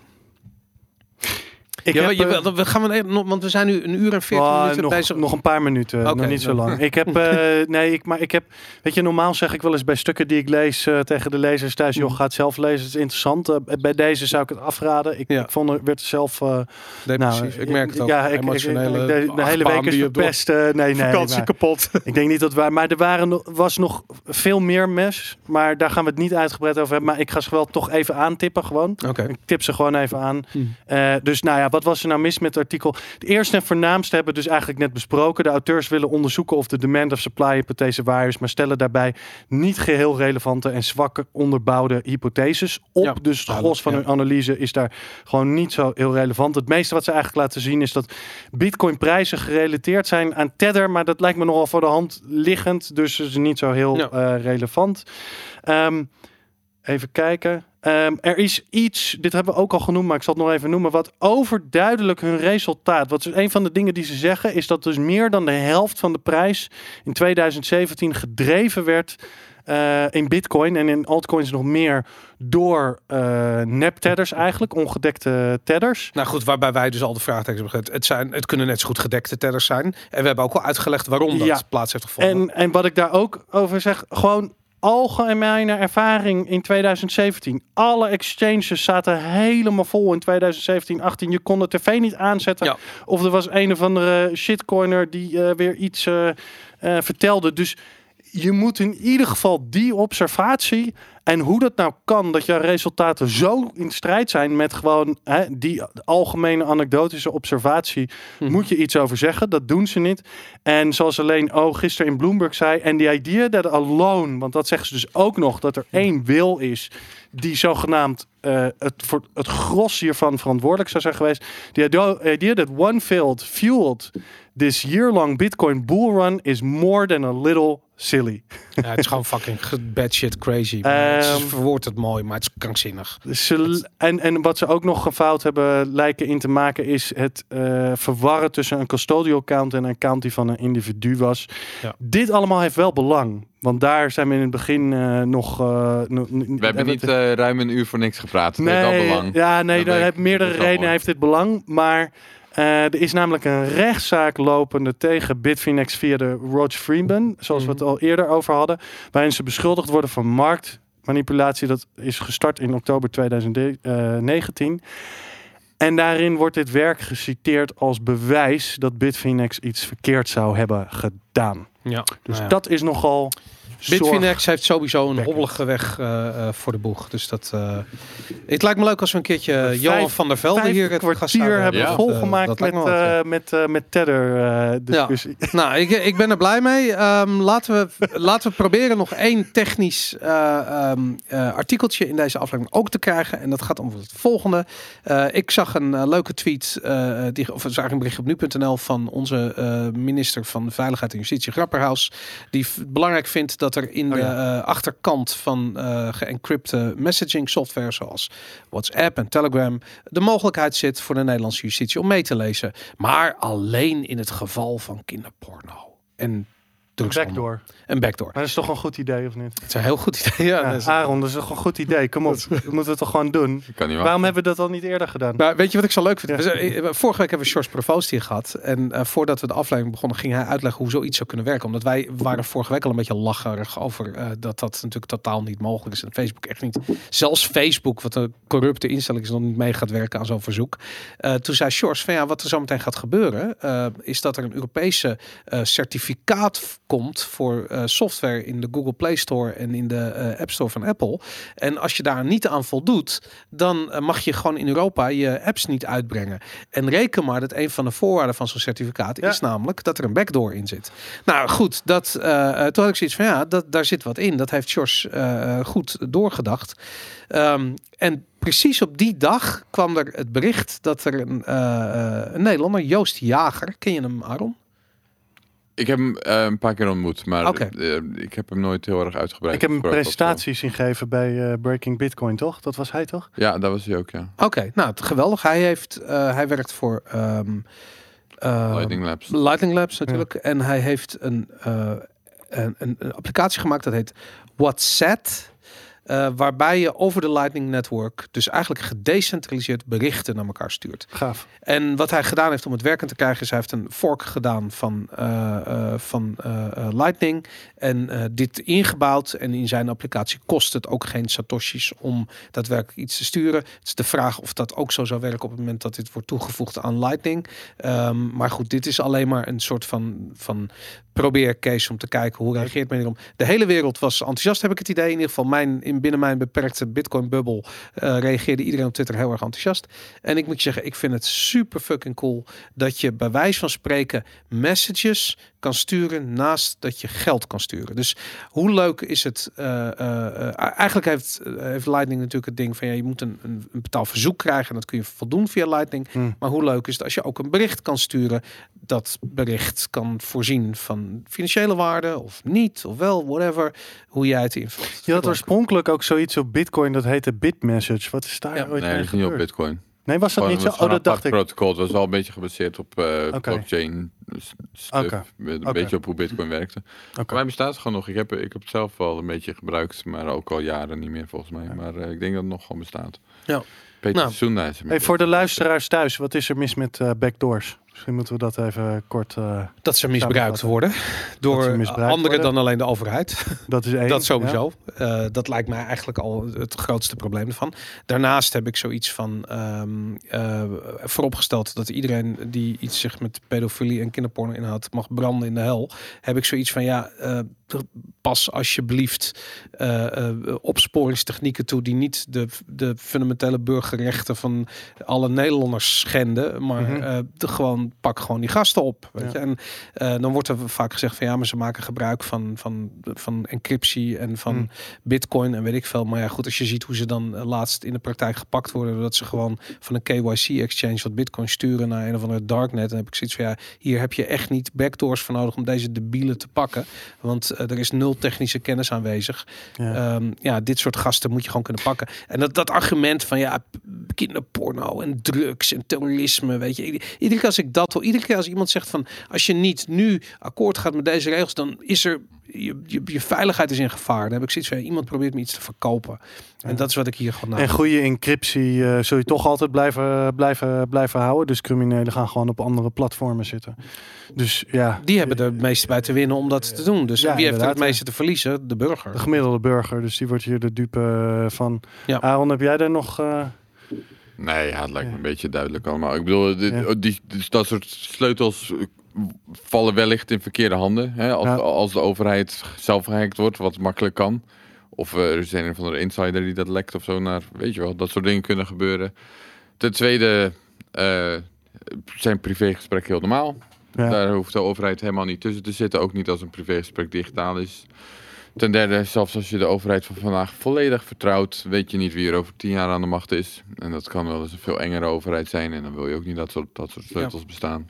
absoluut. Nou ja, goed, het lijkt me allemaal... eh, De enige echte veilige cryptografie is cryptografie zonder backdoors. Daarom. En ik Ja. neem het, eh, meneer eh, Grapperhaus. Ja, mag het, kunnen we daar vanaf? Kan die eens weggaan? Omdat die naam zo dom is, bedoel je? Gewoon ik- omdat hij zelf zo dom is. Ja, omdat hij zelf zo dom is. Nou, ik neem het hij niet, werkt gewoon voor zijn baas. ik neem het hem niet kwalijk dat hij niet begrijpt hoe cryptografie werkt. Wat ik hem wel kwalijk neem, want dat is de taak, dat hij duidelijk zo slecht geïnformeerd is over dingen dat hij dit soort dingen zegt. Ja, en ik ben zo iemand, ik, ik, Welke ik partij ga is hij? kwa- kwade opzet. Welke Ja, partij die is ook weer de, CDA, drug, de dacht- war on drugs aan het aanwakkeren CDA Nederland. toch geloof ik? Dacht ik ook? CDA, Ja, Ja, oké. Ja. Eh, daar ga ik zeker dus niet op stemmen. Ik ook niet. The Klaar. world has gone mad and the system is broken. Is een blog van Ray Dalio. En eh, Ray Dalio is een, eh, een, ja, hoe zou ik zeggen, een legendarische ehm, eh, investeerder. Onder andere de CEO van Bridgewater Associates. En hij heeft een, eh, een blog geschreven over eh, hoe krankzinnig eh, ons huidige financiële systeem is.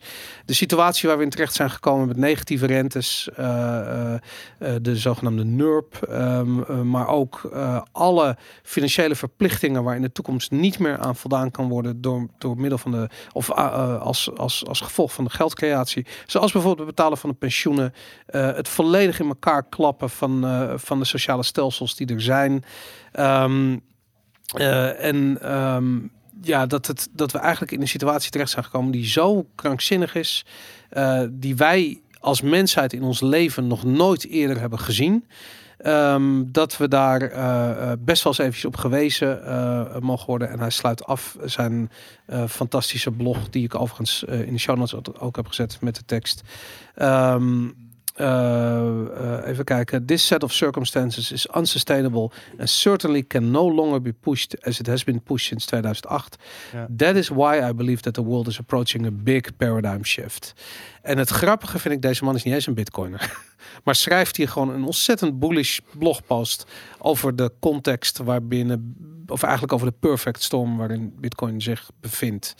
Ehm, Jan, jij bent een eh, fan van Ray, van meneer Dalio, toch? Eh, ja, dus ik heb ook best wel veel van zijn. eh, hij heeft eh, een paar boeken inmiddels ook geschreven. Eh, Eentje heet Principles, Principles in het algemeen. En dan is er nog een andere over Principles over Investing. Ja. Ik heb zijn Principles over Investing niet gelezen, wel zijn algemene Principles. Hoe, hoe belangrijk is het dat iemand als hij dit... Wie is hij? Kun jij het schetsen? Ah, het is iemand die een, een van de grootste fondsen ter wereld heeft opgezet. Echt vanuit het, vanuit het niets. Wat heel apart is, is dat zij een eh, behoorlijk unieke cultuur hebben bij eh, Bridgewater eh, Associates. Mhm. En ook wel echt zeg maar tegen de draad in investeringen durven te doen in, in bepaalde, bepaalde zaken. Ehm, en eh, ja, daar zijn ze gewoon heel eh, succesvol eh, in, in geweest. Dus, en, en hij heeft echt, weet je, er is bestaat al decennia lang literatuur over zeg maar, de fouten die er worden gemaakt door mensen in besluitsvorming. Waar de meeste organisaties eigenlijk niet actief tegen ingaan. Nou, dingen zoals confirmation bias, groupthink, noem maar op. En zijn organisaties echt ingericht om dat soort dingen eh, te vermijden. Je kunt, als je kijkt naar cognitive biases op Wikipedia, eh, staan er geloof ik 150, weet ik veel hoeveel. Mhm. Nou, zijn organisatie zeg maar procesmatig en cultureel ingericht om daar echt zeg maar eh, mee om te gaan. Terwijl de meeste organisaties dat niet doen. En naar mijn idee zijn ze daarom ook best wel eh, heel erg succesvol geweest. Dus het is wel iemand die echt zeg maar tegen de grain durft in te gaan. Iemand die eh, vrij open is. Iemand die ook eh, welwillend is om zijn standpunt over dingen te veranderen. Nou is hij niet heel erg positief over bitcoin. Maar ik kan mij wel voorstellen... Ook niet heel negatief, toch? Nou, ik denk niet dat hij er zo heel veel van af weet. Laat ik het zo zeggen. Dit is wel iemand waarvan ik zou denken... als je een gesprek met hem kan voeren... en je kan hem dingen vertellen over bitcoin die hem echt overtuigen... dan is hij ook wel willend om ze... Wat, wat heeft hij gezegd over Bitcoin dan? If any- Weet ik niet, moet even kijken. In de gezin. Hij is er niet zo heel enthousiast volgens mij over. Maar volgens mij heeft hij ook misschien niet zo heel veel over gezegd. Ik weet niet, misschien kunnen we dat nog even opzoeken. Maar ik... Googlen. Ja, Ja, Eh, Want, verder praten? Ik, kan- ik kan nog even zeggen, hij, hij, hij heeft het specifieke over de, over de enorme begrotingstekorten die er zijn, die overheden hebben. ja. En dat dat echt op maar één manier kan worden opgelost. En dat is door meer geldcreatie. En hij zegt, eh, Ja. en ik, wa- wat ik zo interessant vind, ik bedoel, ik heb echt het idee dat hij is, hij is zo'n mainstream stem in die financiële wereld. Als hij praat, dan kun je ervan uitgaan in zijn kielzog zitten honderdduizenden Ik, investeerders. ik zou hem niet per se mainstream noemen. Nee? Nee, nee, juist niet. Hij is vrij tegendraad. Oh ja? Ik weet niet of ik. Ondanks dat echt- hij eh, zulke grote, eh, zo'n groot fonds eh, beheert. Nou, hij, hij, hij, maakt, ja, hij maakt deel uit zeg maar, van de traditionele financiële wereld. Maar ik zou hem niet per se mainstream in zijn gedachten noemen. Daarom denk ik ook dat hij behoorlijk succesvol is geweest in zijn eh, bedrijf opzetten. En, eh, Hij ja. is geen, eh, Het is niet iemand die zomaar achter andere mensen geen aanloopt. Buffett. Nee, hij, hij loopt zo. niet zomaar achter de waan van de dag aan. Oké. Dus- En wa- wat, wat denken jullie dat zijn, eh, terwijl Aaron zoekt eventjes op wat Ja, maar hij lijkt niet positief over bitcoin hoor. Nee, hij lijkt ook, dat, dat bedoel ik te zeggen. Hij is ook, maar hij, ik denk niet dat hij er ontzettend veel van af weet. Maar dat weet ik dus niet precies. Maar Bitcoin is not a storehold of wealth. Oké, nou goed, dan weten we dat. Maar, maar als hij dat dan, als hij dan zegt zoiets als van het lijkt erop, eh, eh, de- hij zegt letterlijk: dit is waarom ik geloof dat de wereld afstevend op een gigantische paradigm shift. Eh, wat, wat bedoel je? Wat, wat bedoelt hij? dat de huidige gevestigde orde, eh, wa- waar we het net over hadden, hij noemt vier punten in dat eh, artikel op, die, deze manier niet verder kan. Maar hoe, wa- wat is een, ik bedoel, wat is een grotere paradigm shift dan een, een shift van een Keynesiaanse eh, economie naar een Oostenrijkse? ik, eh, ik weet, dit- hard dat durf ik niet te zeggen hoe hij denkt dat de wereld er dan uit. eh, Ik vind het jammer zien, maar dat hij dat niet zegt, namelijk, want daarmee is het een beetje een, een Misschien, weet- misschien heeft hij zelf ook niet het idee dat hij duidelijk weet hoe dat eruit zou zien. Maar Ja. ja. En hij, eh, ja, de- de- hij heeft het wel, wel eens eerder over paradigm shifts eh, gehad. Ook in zijn boek volgens mij. Moet ik even, dan zou ik weer even echt terug moeten zoeken. Hmm, Oké, nou ik, ik weet het ook ehm, niet, maar het zou kunnen zijn dat hij natuurlijk gigantische posities in goud aan het innemen is. Eh, dat, dat is natuurlijk veel investeerders vinden dat de. de, de durf de- ik niet te zeggen. Maar ik, ik durf wel te zeggen dat dit iemand is die over het algemeen redelijk succesvol is en doordacht is in de dingen die hij doet. Dus als hij dingen zegt, dan Ray Dalio, je had ik wel geneigd goud. om er naar te luisteren. Had je het over goud? Ja, toch? Ja, heeft hij Ja. daar iets over gezegd? Ik ben gewoon aan het lezen. Ik, heb, niet- geen- hoor af en toe iets over goud. ja, hij is een goudfan. Staat, Hij is een goudfan. Ja, het, is ook, het klinkt, alles wat hij zegt klinkt gewoon heel Oostenrijks. Eh, en dat is da daarom heb ik zoiets van, ja, het is slechts, slechts een kwestie van tijd voordat hij ook een bitcoiner wordt. Die dingen gaan gewoon hand in hand. Hij snapt gewoon digitale schaars. Ja, hij zit niet, op allemaal manieren in goud. Ja, daarom. Ja. Dat, is, eh, dat is duidelijk. Nou goed. Oké, duidelijk. Ray Dalio. ehm, Ja.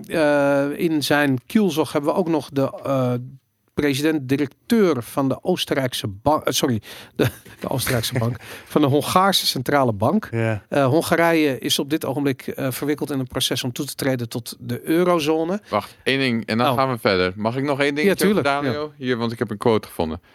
I don't recommend anything with Bitcoin really. But if you really want to speculate, I think it could make it to $5,000.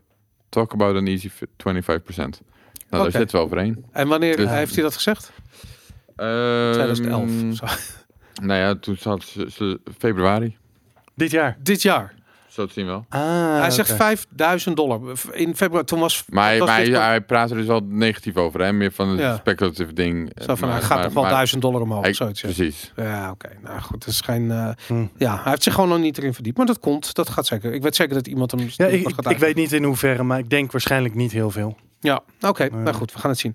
Dat Wat- zag ik dit weekend. eh, Maar sorry. hij heeft gezegd dat het een bubbel is. Nou, nu hou ik op met uh, het lezen. Oké, ja, artikelen. Dalio- ik wil eigenlijk ga- niks meer ga van Dalio. ga me Dit is analyses bezighouden. Dit is nog steeds heel veel voorkomend. In Singapore Hm. was ik eh, op eh, eh, aan het dineren met mensen uit de traditionele financiële wereld. Ja. eh, voor een eh, klant. En Klinkt die, heel eh, deftig hoe je dat zegt. Ja, dat was het ook wel. En ehm, ja, die hadden dus ook iemand eh, over de vloer gehad om hun over Bitcoin te vertellen. Bar- Ja. Barry Silbert. Nou, eh, ja, goed, oké. en Dan ehm, nodig je iemand uit. Hè? ja, en een Jesus van de kritiekpunten die zij hadden van ja, maar het is niet schaars, want je kunt oneindig veel altcoins drukken. En toen zei ik ook ja, sorry, maar dat is dus gewoon echt Barry kindergarten level objection to Bitcoin. Ja. Maar dat soort gedachten over Bitcoin le- leven gewoon nog heel sterk. Nou, daar ik vind het geen kindergarten object tegen bitcoin. Ik vind het, ik bedoel, als je iemand zoals Andreas Antonopoulos hoort praten, die zegt dat altcoins zijn ook allemaal geweldig. Dan snap je dus niet de schaarste van Bitcoin. Want Maar- ik vind inderdaad, als je, het, als je het zo ziet, ja, dan, dan klopt er niks van die schaarste. Als je al die andere altcoins als soort van equal grounding gaat zien. Maar waarom snappen die mensen niet dat als iets ge- eh, gecentraliseerd is, dat het dan kwetsbaar is en dat het hele schaarste argument vervolgens verdwijnt als sneeuw voor de zon? Weet ik niet. Dat, maar dat vind ik lastig. Maar dat had ik Ja. namelijk ook toen wij plan B hier hadden. Toen vroegen we plan B, hoe eh, wordt er in je directe omgeving, in de financiële wereld, gekeken tegen Bitcoin? Toen zei hij ook van ultra sceptisch. Omdat Hm. mensen gewoon niet snappen wat het is. En ik heb, wat ik daar heel positief aan vind, is dat niet snappen wat iets is, is vaak een tijdelijke eh, eh, staat waar je in verkeert. Eh, de, de, Maar dit wil- gaat wel behoorlijk lang door, toch? ja, maar het zijn ook mensen die ontzettend veel te verliezen hebben. Je weet toch, als iemand zijn salaris afhankelijk is van het niet veranderen van zijn mening, Ja, dan is het heel moeilijk om zijn mening te veranderen. Ja. M- Neemt niet weg dat de waarheid ook daar zal, zal zijn, zijn intrede zal doen. Niet, en dat duurt niet lang. Ik bedoel, dat is gewoon onvermijdelijk. En ik bedoel, wat de aanleiding daarvoor gaat zijn, daar heb ik wel mijn ideeën over. En dat is iets wat ik eh, ook hier eh, had ingezet. En dat is iets wat je heel erg ziet eh, gebeuren, bijvoorbeeld in Argentinië, wat we in Libanon zien. Argentinië staat ook aan de vooravond van weer een gigantische inflatiespike. Dat is al aan de gang volgens mij. Mhm. Er is nu een nieuwe, een, nieuw, een nieuwe regel ingaan dat je nog maar 200 dollar Ja. in de maand cash kunt opnemen of kunt omzetten naar bitcoin bijvoorbeeld. Nou, ik bedoel 200 dollar in de maand. Dat, dat is gewoon, dat is, je hebt het over capital controls op het niveau van China, weet je. Ik bedoel, dat, dat is gewoon, dat is problematisch. En wat zie je vervolgens gebeuren? Eh, eh, eh, de, de, de, de, de, de handel op straat neemt toe. Eh, eh, hoe heet het? Eh, ehm, eh, mensen gaan direct bitcoin aan elkaar markt, verkopen. ja, Ja, dat zwarte soort markt, dat soort dingen. En dat zie je bij, eh god, hoe heet het? Dat platform ook weer waar je direct bitcoin koopt van mensen. Ehm, Eh, Uh, nee, Nee, eh, nou. Eh, hoe kan dat nou, jongens? local bitcoin. Local bitcoins Ja. natuurlijk. Daar heb je hele mooie cijfers. En dan zie je ook dat dat gewoon zowel in Libanon als in eh, Argentinië door het, door het dak heen gaat. Ja, wat, wat, het, het, kijk, het, het is niet zozeer. Er, er is allerlei kritiek misschien die je op Bitcoin zou kunnen hebben. En vraagtekens die je over het succes van Bitcoin. Alleen wat mij opvalt aan critici van Bitcoin is over het algemeen hoe slecht doordacht en uitgewerkt de kritiek is. Ja, daar ben ik De mee. beste kritiek op Bitcoin kun je eigenlijk alleen maar binnen. komt Bitcoin-wereld komt vaak zelf van vinden. bitcoiners, ja. Komt vaak van Bitcoin. Omdat zelf. het, omdat het vaak hele specifieke gevallen zijn. Weet je, ik bedoel, je, kun- de, de- ik bedoel, als je het over Lightning hebt en schaalbaarheid, je, als je daar niet helemaal in zit, kun je daar eigenlijk niet zoveel over zeggen. Weet je, dan kun je Ja. allemaal algemene theoretische uitspraken doen. Ja, en die zijn vaak niet, de, die kritiek is gewoon niet zo onderbouwd. Dus dat is, dat is lastig. Ehm, We hadden het over Argentinië. Nee, Ja. waar, ja, waar ik naartoe wou gaan was die eh, Hongaarse centrale bankdirecteur. eh, die een. ehm, eh, ja, wat, wat ik aan het eh, ehm, zeggen was, is dat hij, eh, eh, dat Hon- Hongarije op dit ogenblik in het proces zit om toe te treden tot de eh, euro. Ze zitten al in de EU, dus zijn ze al heel lang. Is dat zo? Zit ze in het proces om toe te Ja, treden ja, ja. tot de euro? Ja, ze moeten voldoen aan eh, wat regelgeving. Ze staan op de lijst. Eh, maar ze zijn nog niet. ehm, ze hebben de euro nog niet. Ze hebben nog hun eigen eh, eh, munt. Voorrind heet het, is volgens mij. Ik heb geen idee. De Ja. HUF is de afkorting. Het zou goed de, de Voorint de- volgens mij, De HUF, ja. Ja, Ja. oké. Anyways, ehm, eh, hij heeft een eh, eh, in, de, in de Financial Times, Hmm. eh, en dat vind ik eigenlijk het nieuws ook zo van, ja, waar, ehm, eh, waar wordt dit? ik zit nu ook, ik, ik denk ik open het even, en ik zat gelijk in die Die paywall. paywall Ja, paywall, ja. Toen die ik eerst niet had, maar ja. Ehm, maar hij zegt inderdaad letterlijk van de, de, eh, de euro is een grote fout geweest. De euro was een Hmm. poging van Frankrijk om het succes van Duitsland en de macht, de groeiende macht van Duitsland, om dat eh, eigenlijk naar Europa toe te trekken. Mhm. Uh, maar het effect is ja, averechts geweest. Dat is wat hij zegt. En ja, dat is ook zo. We zitten met z'n allen vast in een onhoudbare situatie. En uh, ik vind het echt op. Kijk, het is logisch dat hij ook een politieke uh, rol vervult, natuurlijk. Ook al wordt het nooit hardop gezegd, ja. maar centrale bankdirecteuren zijn natuurlijk ergens altijd een beetje politiek. Ja. Um, en hij, uh, hij vertegenwoordigt natuurlijk ook een positie. Op dit ogenblik, je zou wel gek zijn om de euro in te gaan. Ik bedoel, dat slaat helemaal nergens op. Maar ja, hij verwoordt dat goed. Waarom zegt hij het wel? Hij heeft Dat drie zou ik je kunnen eigenlijk. vertellen als ik niet Als achter de ah, paywall... ik heb- eh, Jan Willem kan Ik heb het hier misschien, eh, opgeschreven. Oh, kijk. Hij heeft eerst heeft hij gezegd, eh de motief was inderdaad een Frans project om de Duitse macht eh, te temmen. Nou, Mhm. daar zit denk ik wel een kern van waarheid in. is misschien iets te kort door de bocht, maar goed, eh, er zit denk ik wel een kern van waarheid in. Maar hij zegt eigenlijk, het zijn drie redenen voor huidige falen van de euro. Heeft negatief invloed op Duitsland gehad. Dus de, door de inclusie van Zuid-Europese landen bleef de koers laag. En heeft Duitsland heel erg kunnen profiteren middels export. Dit heeft ze echter nalatig gemaakt. Ze hebben niet goed geïnvesteerd in infrastructuur en innovatie. Ze hebben de digitale revolutie gemist. China verkeerd ingeschat en weinig succesvolle grote pan-Europese bedrijven kunnen creëren. Dus dat is eerst. voor mij, ik zit daar niet zo in, maar dat is de eerste keer dat ik zo hard eh, op een rijtje heb gezet wat er mis is met Duitsland. En ik ben het er helemaal mee eens. Ik bedoel, dat, eh, dit, dit is ook Ik- waar. Vol, ja, ik kan, da- da- daar, daar kan ik niet zo heel sterk een oordeel eh, over doen. Maar ik denk wel dat het ergens iets van waarheid in zit.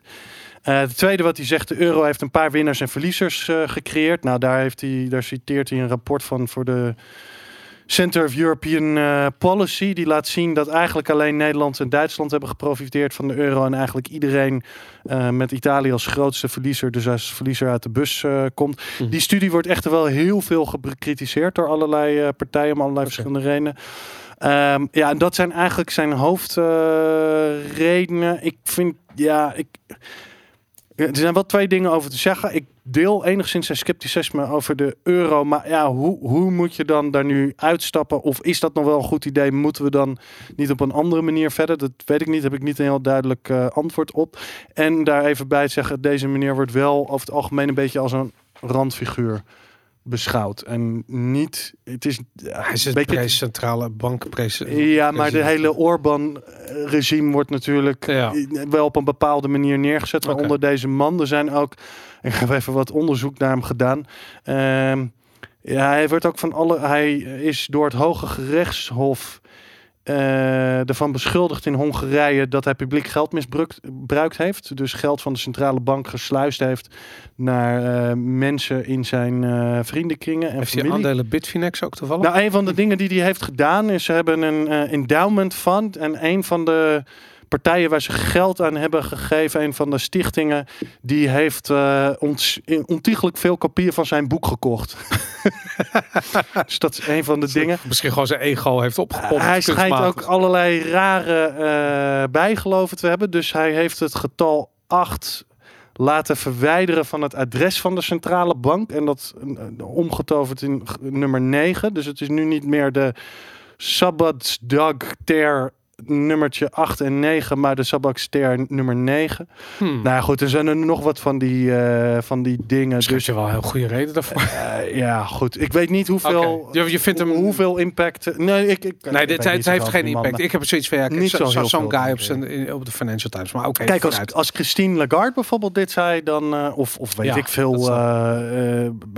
nou noem eens iemand nou zij zou Grapperhuis misschien, die, wil, wel, die is nou. wel geneigd om een hele hoop dingen te zeggen. Misschien wil hij dit ook wel zeggen. Ik weet dat, niet. Eh, nou goed, ja.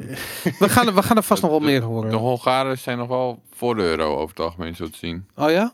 Oh. Dat is de, de statistieken die ik nu heb. Uh, zijn dat wel recente statistieken? Is dat niet iets uit 2000? Nee, eh, nou, 2018. Ja, oké. Dus oké. Kijk, dit, is een beetje nu aan het, aan het gezeik en, en, en, het was ook wel een stuk hoger in uh, 2000. 10 heeft het ongeveer gepiekt. Toen was 70% voor meer dan 70%. Nu is het iets van 55 of zo. Oké, dat nou, enthousiasme inderdaad wel aan het dalen is of het algemeen. Ja, maar goed. Dat, daar heb ik zelf ook een beetje last Maar het is ook lager geweest. In 2012 was het onder de 50%. Dus je kan, ook je een kan, crisismoment. Je kan ook zeggen dat het aan het stijgen is. Ja, dat zou een paar jaar. ja. Zijn er nog onderwerpen die we gemist hebben? Aaron, eh, heb, jij, eh, heb jij nog eh, onderwerpen die je zou willen nog heel eventjes het voetlicht zou willen... Oh, had ik gezegd eh, dat eh Tether dus inderdaad op Liquid zit al een tijdje? Ik, Oh, wat heb ja, ik nee, dat had, je, opgezocht. dat had je om. Maar van Ik- Omni naar Liquid of nu ook op Liquid? Nou, volgens mij is het van Omni naar Liquid. Oké. Maar al een paar maanden, Oké. als ik het zo lees.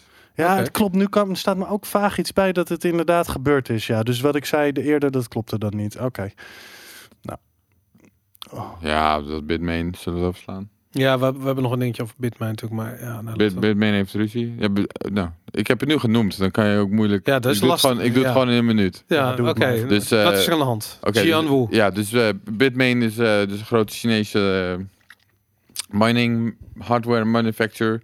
En een jaar geleden waren er twee CEO's, Jihan Wu en McCree San, die waren beide eigenlijk afgetreden als CEO. En toen is McCree is een soort van chairman geworden en er kwam, kwam een andere CEO. En Jihan die ging met zijn eigen subbedrijfje, een soort van spin-off bedrijfje. En nu, vorige week, is, eh, kwam opeens Jihan weer terug. En die was Hm. opeens weer CEO geworden. Nee, volgens En- mij voorzitter van, eh, van de Raad van Bestuur is hij Nee, geworden. nee, dat, nee CEO. CEO, ja. Oké. Ja, sowieso CEO. Dus de, de, degene die CEO die er was, die was weg. En toen is er ook een soort van interne mail gestuurd dat die McCrizan, die is echt eruit geknikkerd, zeg maar. Die mag niet eens het gebouw meer in, Wow. opeens. En die was er ook helemaal niet blij mee. Dus Terwijl hij die gaat... zelf ook heel veel aandelen heeft. Ja, precies. Ja. Ook iets van 30% of Ja. zo. Dus het, eh, Mm. nee, die zegt, eh, de, de- komt erop neer, er is echt een oorlog gaande binnen, Bitmain. Ja. En het komt dus door twee, omdat ze beide een eh, verschillende eh, kant op wilden met dat bedrijf. Denk je dat dus er... Jihan die ging natuurlijk helemaal de Bitcoin Cash kant op. Ja. Die had Bitcoin Hmm. Cash de facto gelanceerd. En ehm, die is ook helemaal all-in gegaan met zijn bedrijf daarvoor. Ja. Terwijl die McCree die wilde meer de AI kant op. Dus dat was een soort Hmm. van verschil in visie. En toen op een gegeven moment zijn ze dus allebei afgetreden. Hmm. En McCree die zou het bedrijf publiek gaan nemen. Hè? Dus dat wilden ze eerst in Hongkong doen. En dat is niet gelukt. Daarna Ja. wilden ze in de VS doen. En dat gaat blijkbaar ook niet goed. En ik denk dus, dus dat, eh, of het verhaal is een beetje dus dat de, eh, de board op een gegeven moment wilde die, die toch echt wel dat het bedrijf eens een keer publiek ging. Dus toen heeft Jihan weer een soort van koep weten te plegen. En die is nu weer aan Denk je dat de eh, de, de, de, de timing van de Chinese overheid, eh G, die gezegd heeft dat... Ja, eh, dat zou dat, Stel je voor dat daar, want ik kan me voorstellen, dat is niet iets wat van de een op de andere dag zomaar als een donderslag bij heldere hemel daar in China natuurlijk eh, eh, eh, bekend wordt gemaakt. Dat, dat lekt vast uit en eh Jian Wu zit zeker in de top van adviescommissies als het om crypto niet. gaat, Ja. whatever. Maar goed, stel dat hij dat eerder gehoord heeft en dat eh, eh, gezegd heeft van luister, we moeten weg van AI, we gaan weer vol op, eh, eh, op mining en, en, en, en, en crypto, want eh, de, de overheid staat op het punt om het roer om te gooien en het weer vrij te geven. Want hun grootste inkomstenbron is altijd mining geweest. En eh, mining stond... nou ja, hardwareproductie. Hardware. ja, maar ze zijn, hebben ook twee grote pools en ze minen Klopt, zelf ook maar ik denk veel. niet dat dat de grootste inkomstenbron is. Nou goed, oké, dat, dat durf ik niks te zeggen. Maar in Ja, ieder geval... mi- mining op zich wel, denk ik. En, en vooral ook omdat ze dus al die coins die ze hebben gemined heel lang hebben vastgehouden. ja, En dat is dus uiteindelijk ook weer de ondergang geworden met Bitcoin Cash. Dus dat gingen minen en Is vasthouden. die McCree Sun ook een Chinees? Of? Ja. Ja. Ja, ook, ook alle twee, oké. Maar goed, die, die, eh, die activiteit van het minen, dat stond heel lang op een lijst van industrieën die eh, eh, moesten verdwijnen in China. Ja, en dat is deze overheid. week ervan afgehaald. Dat is er vanaf gehaald. Ja. Dus het zou best Ja. wel kunnen zijn dat dat ook zijn gevolg heeft voor de richting waar eh ja, Bitmain zich op gaat bewegen. Ja, dat zou kunnen. En ik denk ook wel dat, wat je een beetje hoort, als je een bedrijf hebt zo groot als Bitmain in China, dan moet je wel connecties hebben met bepaalde Ja. mensen, zeg maar. Nou, dat, dat, dat kan je niet zomaar... eh, En wat natuurlijk interessant is, kijk, ze hebben die eh, eh, dat ze dat hele probleem met die IPO geweest in Hongkong, is dat Hmm. ze die ehm, al die Bitcoin Cash die ze hebben, hebben ze voor de aankoopwaarde op de balans staan. En volgens mij voor, nou, ik, ik durf het bedrag niet eens te noemen, voor echt heel veel. heel veel. En ze gaat, de, de Bitcoin Cash gaat dat nooit meer waard zijn. Maar dat betekent wel dat op papier het gewoon nog een gigantisch bedrijf is. Eh, en ik denk dat ze nog steeds groot zijn hoor. Maar ja, wil je nog iets daarvan terug hebben, dan is mining is absoluut de weg om die, die, die, die, ja, die vele, eh, wat is het, 150.000, 200.000 Bitcoin Cash die ze hebben, om daar nog wat van terug te halen. Nou ja, volgens de laatste berichten die je dus las van de week, was het wel zo dat als de prijs van Bitcoin de laatste maanden niet omhoog was gegaan, dan was het bedrijf onder, ondersteboven gegaan. oh ja? Dat, heeft ze, dat heeft ze nog weer net gered, nu bl- Wow. blijkt. Oké. Ja, en, eh, maar goed, er is nu dus eh, een soort van koep gepleegd en die Mikri die gaat ze weer aanklagen en het is allemaal een grote rommel. En Ja. onder, de- onder deze omstandigheden willen ze nu een, een IPO gaan doen, Ja, willen ze public gaan doen. Ja, nou, dat wordt interessant. Ik zie het Inderdaad, eerder gekocht dat, worden eh, door een grote partij. En dat, hmm. Wat ze nu in, in Texas aan het doen zijn, dat ze ook in Texas groot mining of groot datacenter gaan neerzetten. Eh 300 megawatt, geloof ik. Ja, gigantisch. We hebben het hier over gehad, volgens mij in de show eh, ja, een en paar het- weken geleden. nee, dat was een andere partij. Eh, Dat was nog een- ja, nu dat weer was, een nieuwe dat was. Pieter Thiel zijn investering. Ja, Eh, dit is dus nu, Bitmain gaat dit nu ook doen in Texas. oké. En eh, ze zeggen dat ze de grootste zijn, maar het grappige is dat Blockstream zelf ook een 300 megawatt eh, faciliteit Ja. heeft geopend. Dus de grootste zullen ze, er is in ieder geval nog eentje zo groot. Dus, maar het is absoluut, het betekent wat, weet je. Ja. Het, is, eh, het is een gigantisch bedrijf. Het blijft een speler van belang. Ja. Goed mannen, Dat was hem. ik denk het ook. We zijn eh 1 uur en drie kwartier verder. Het was gezellig. Eh, Jan, dankjewel voor je eh, uitgebreide Tedder-verslag. Aaron, het was weer een waar genoeg, eh, jongens. Eh, ik zie de volgende week. Tot volgende week. Strong hand, everybody!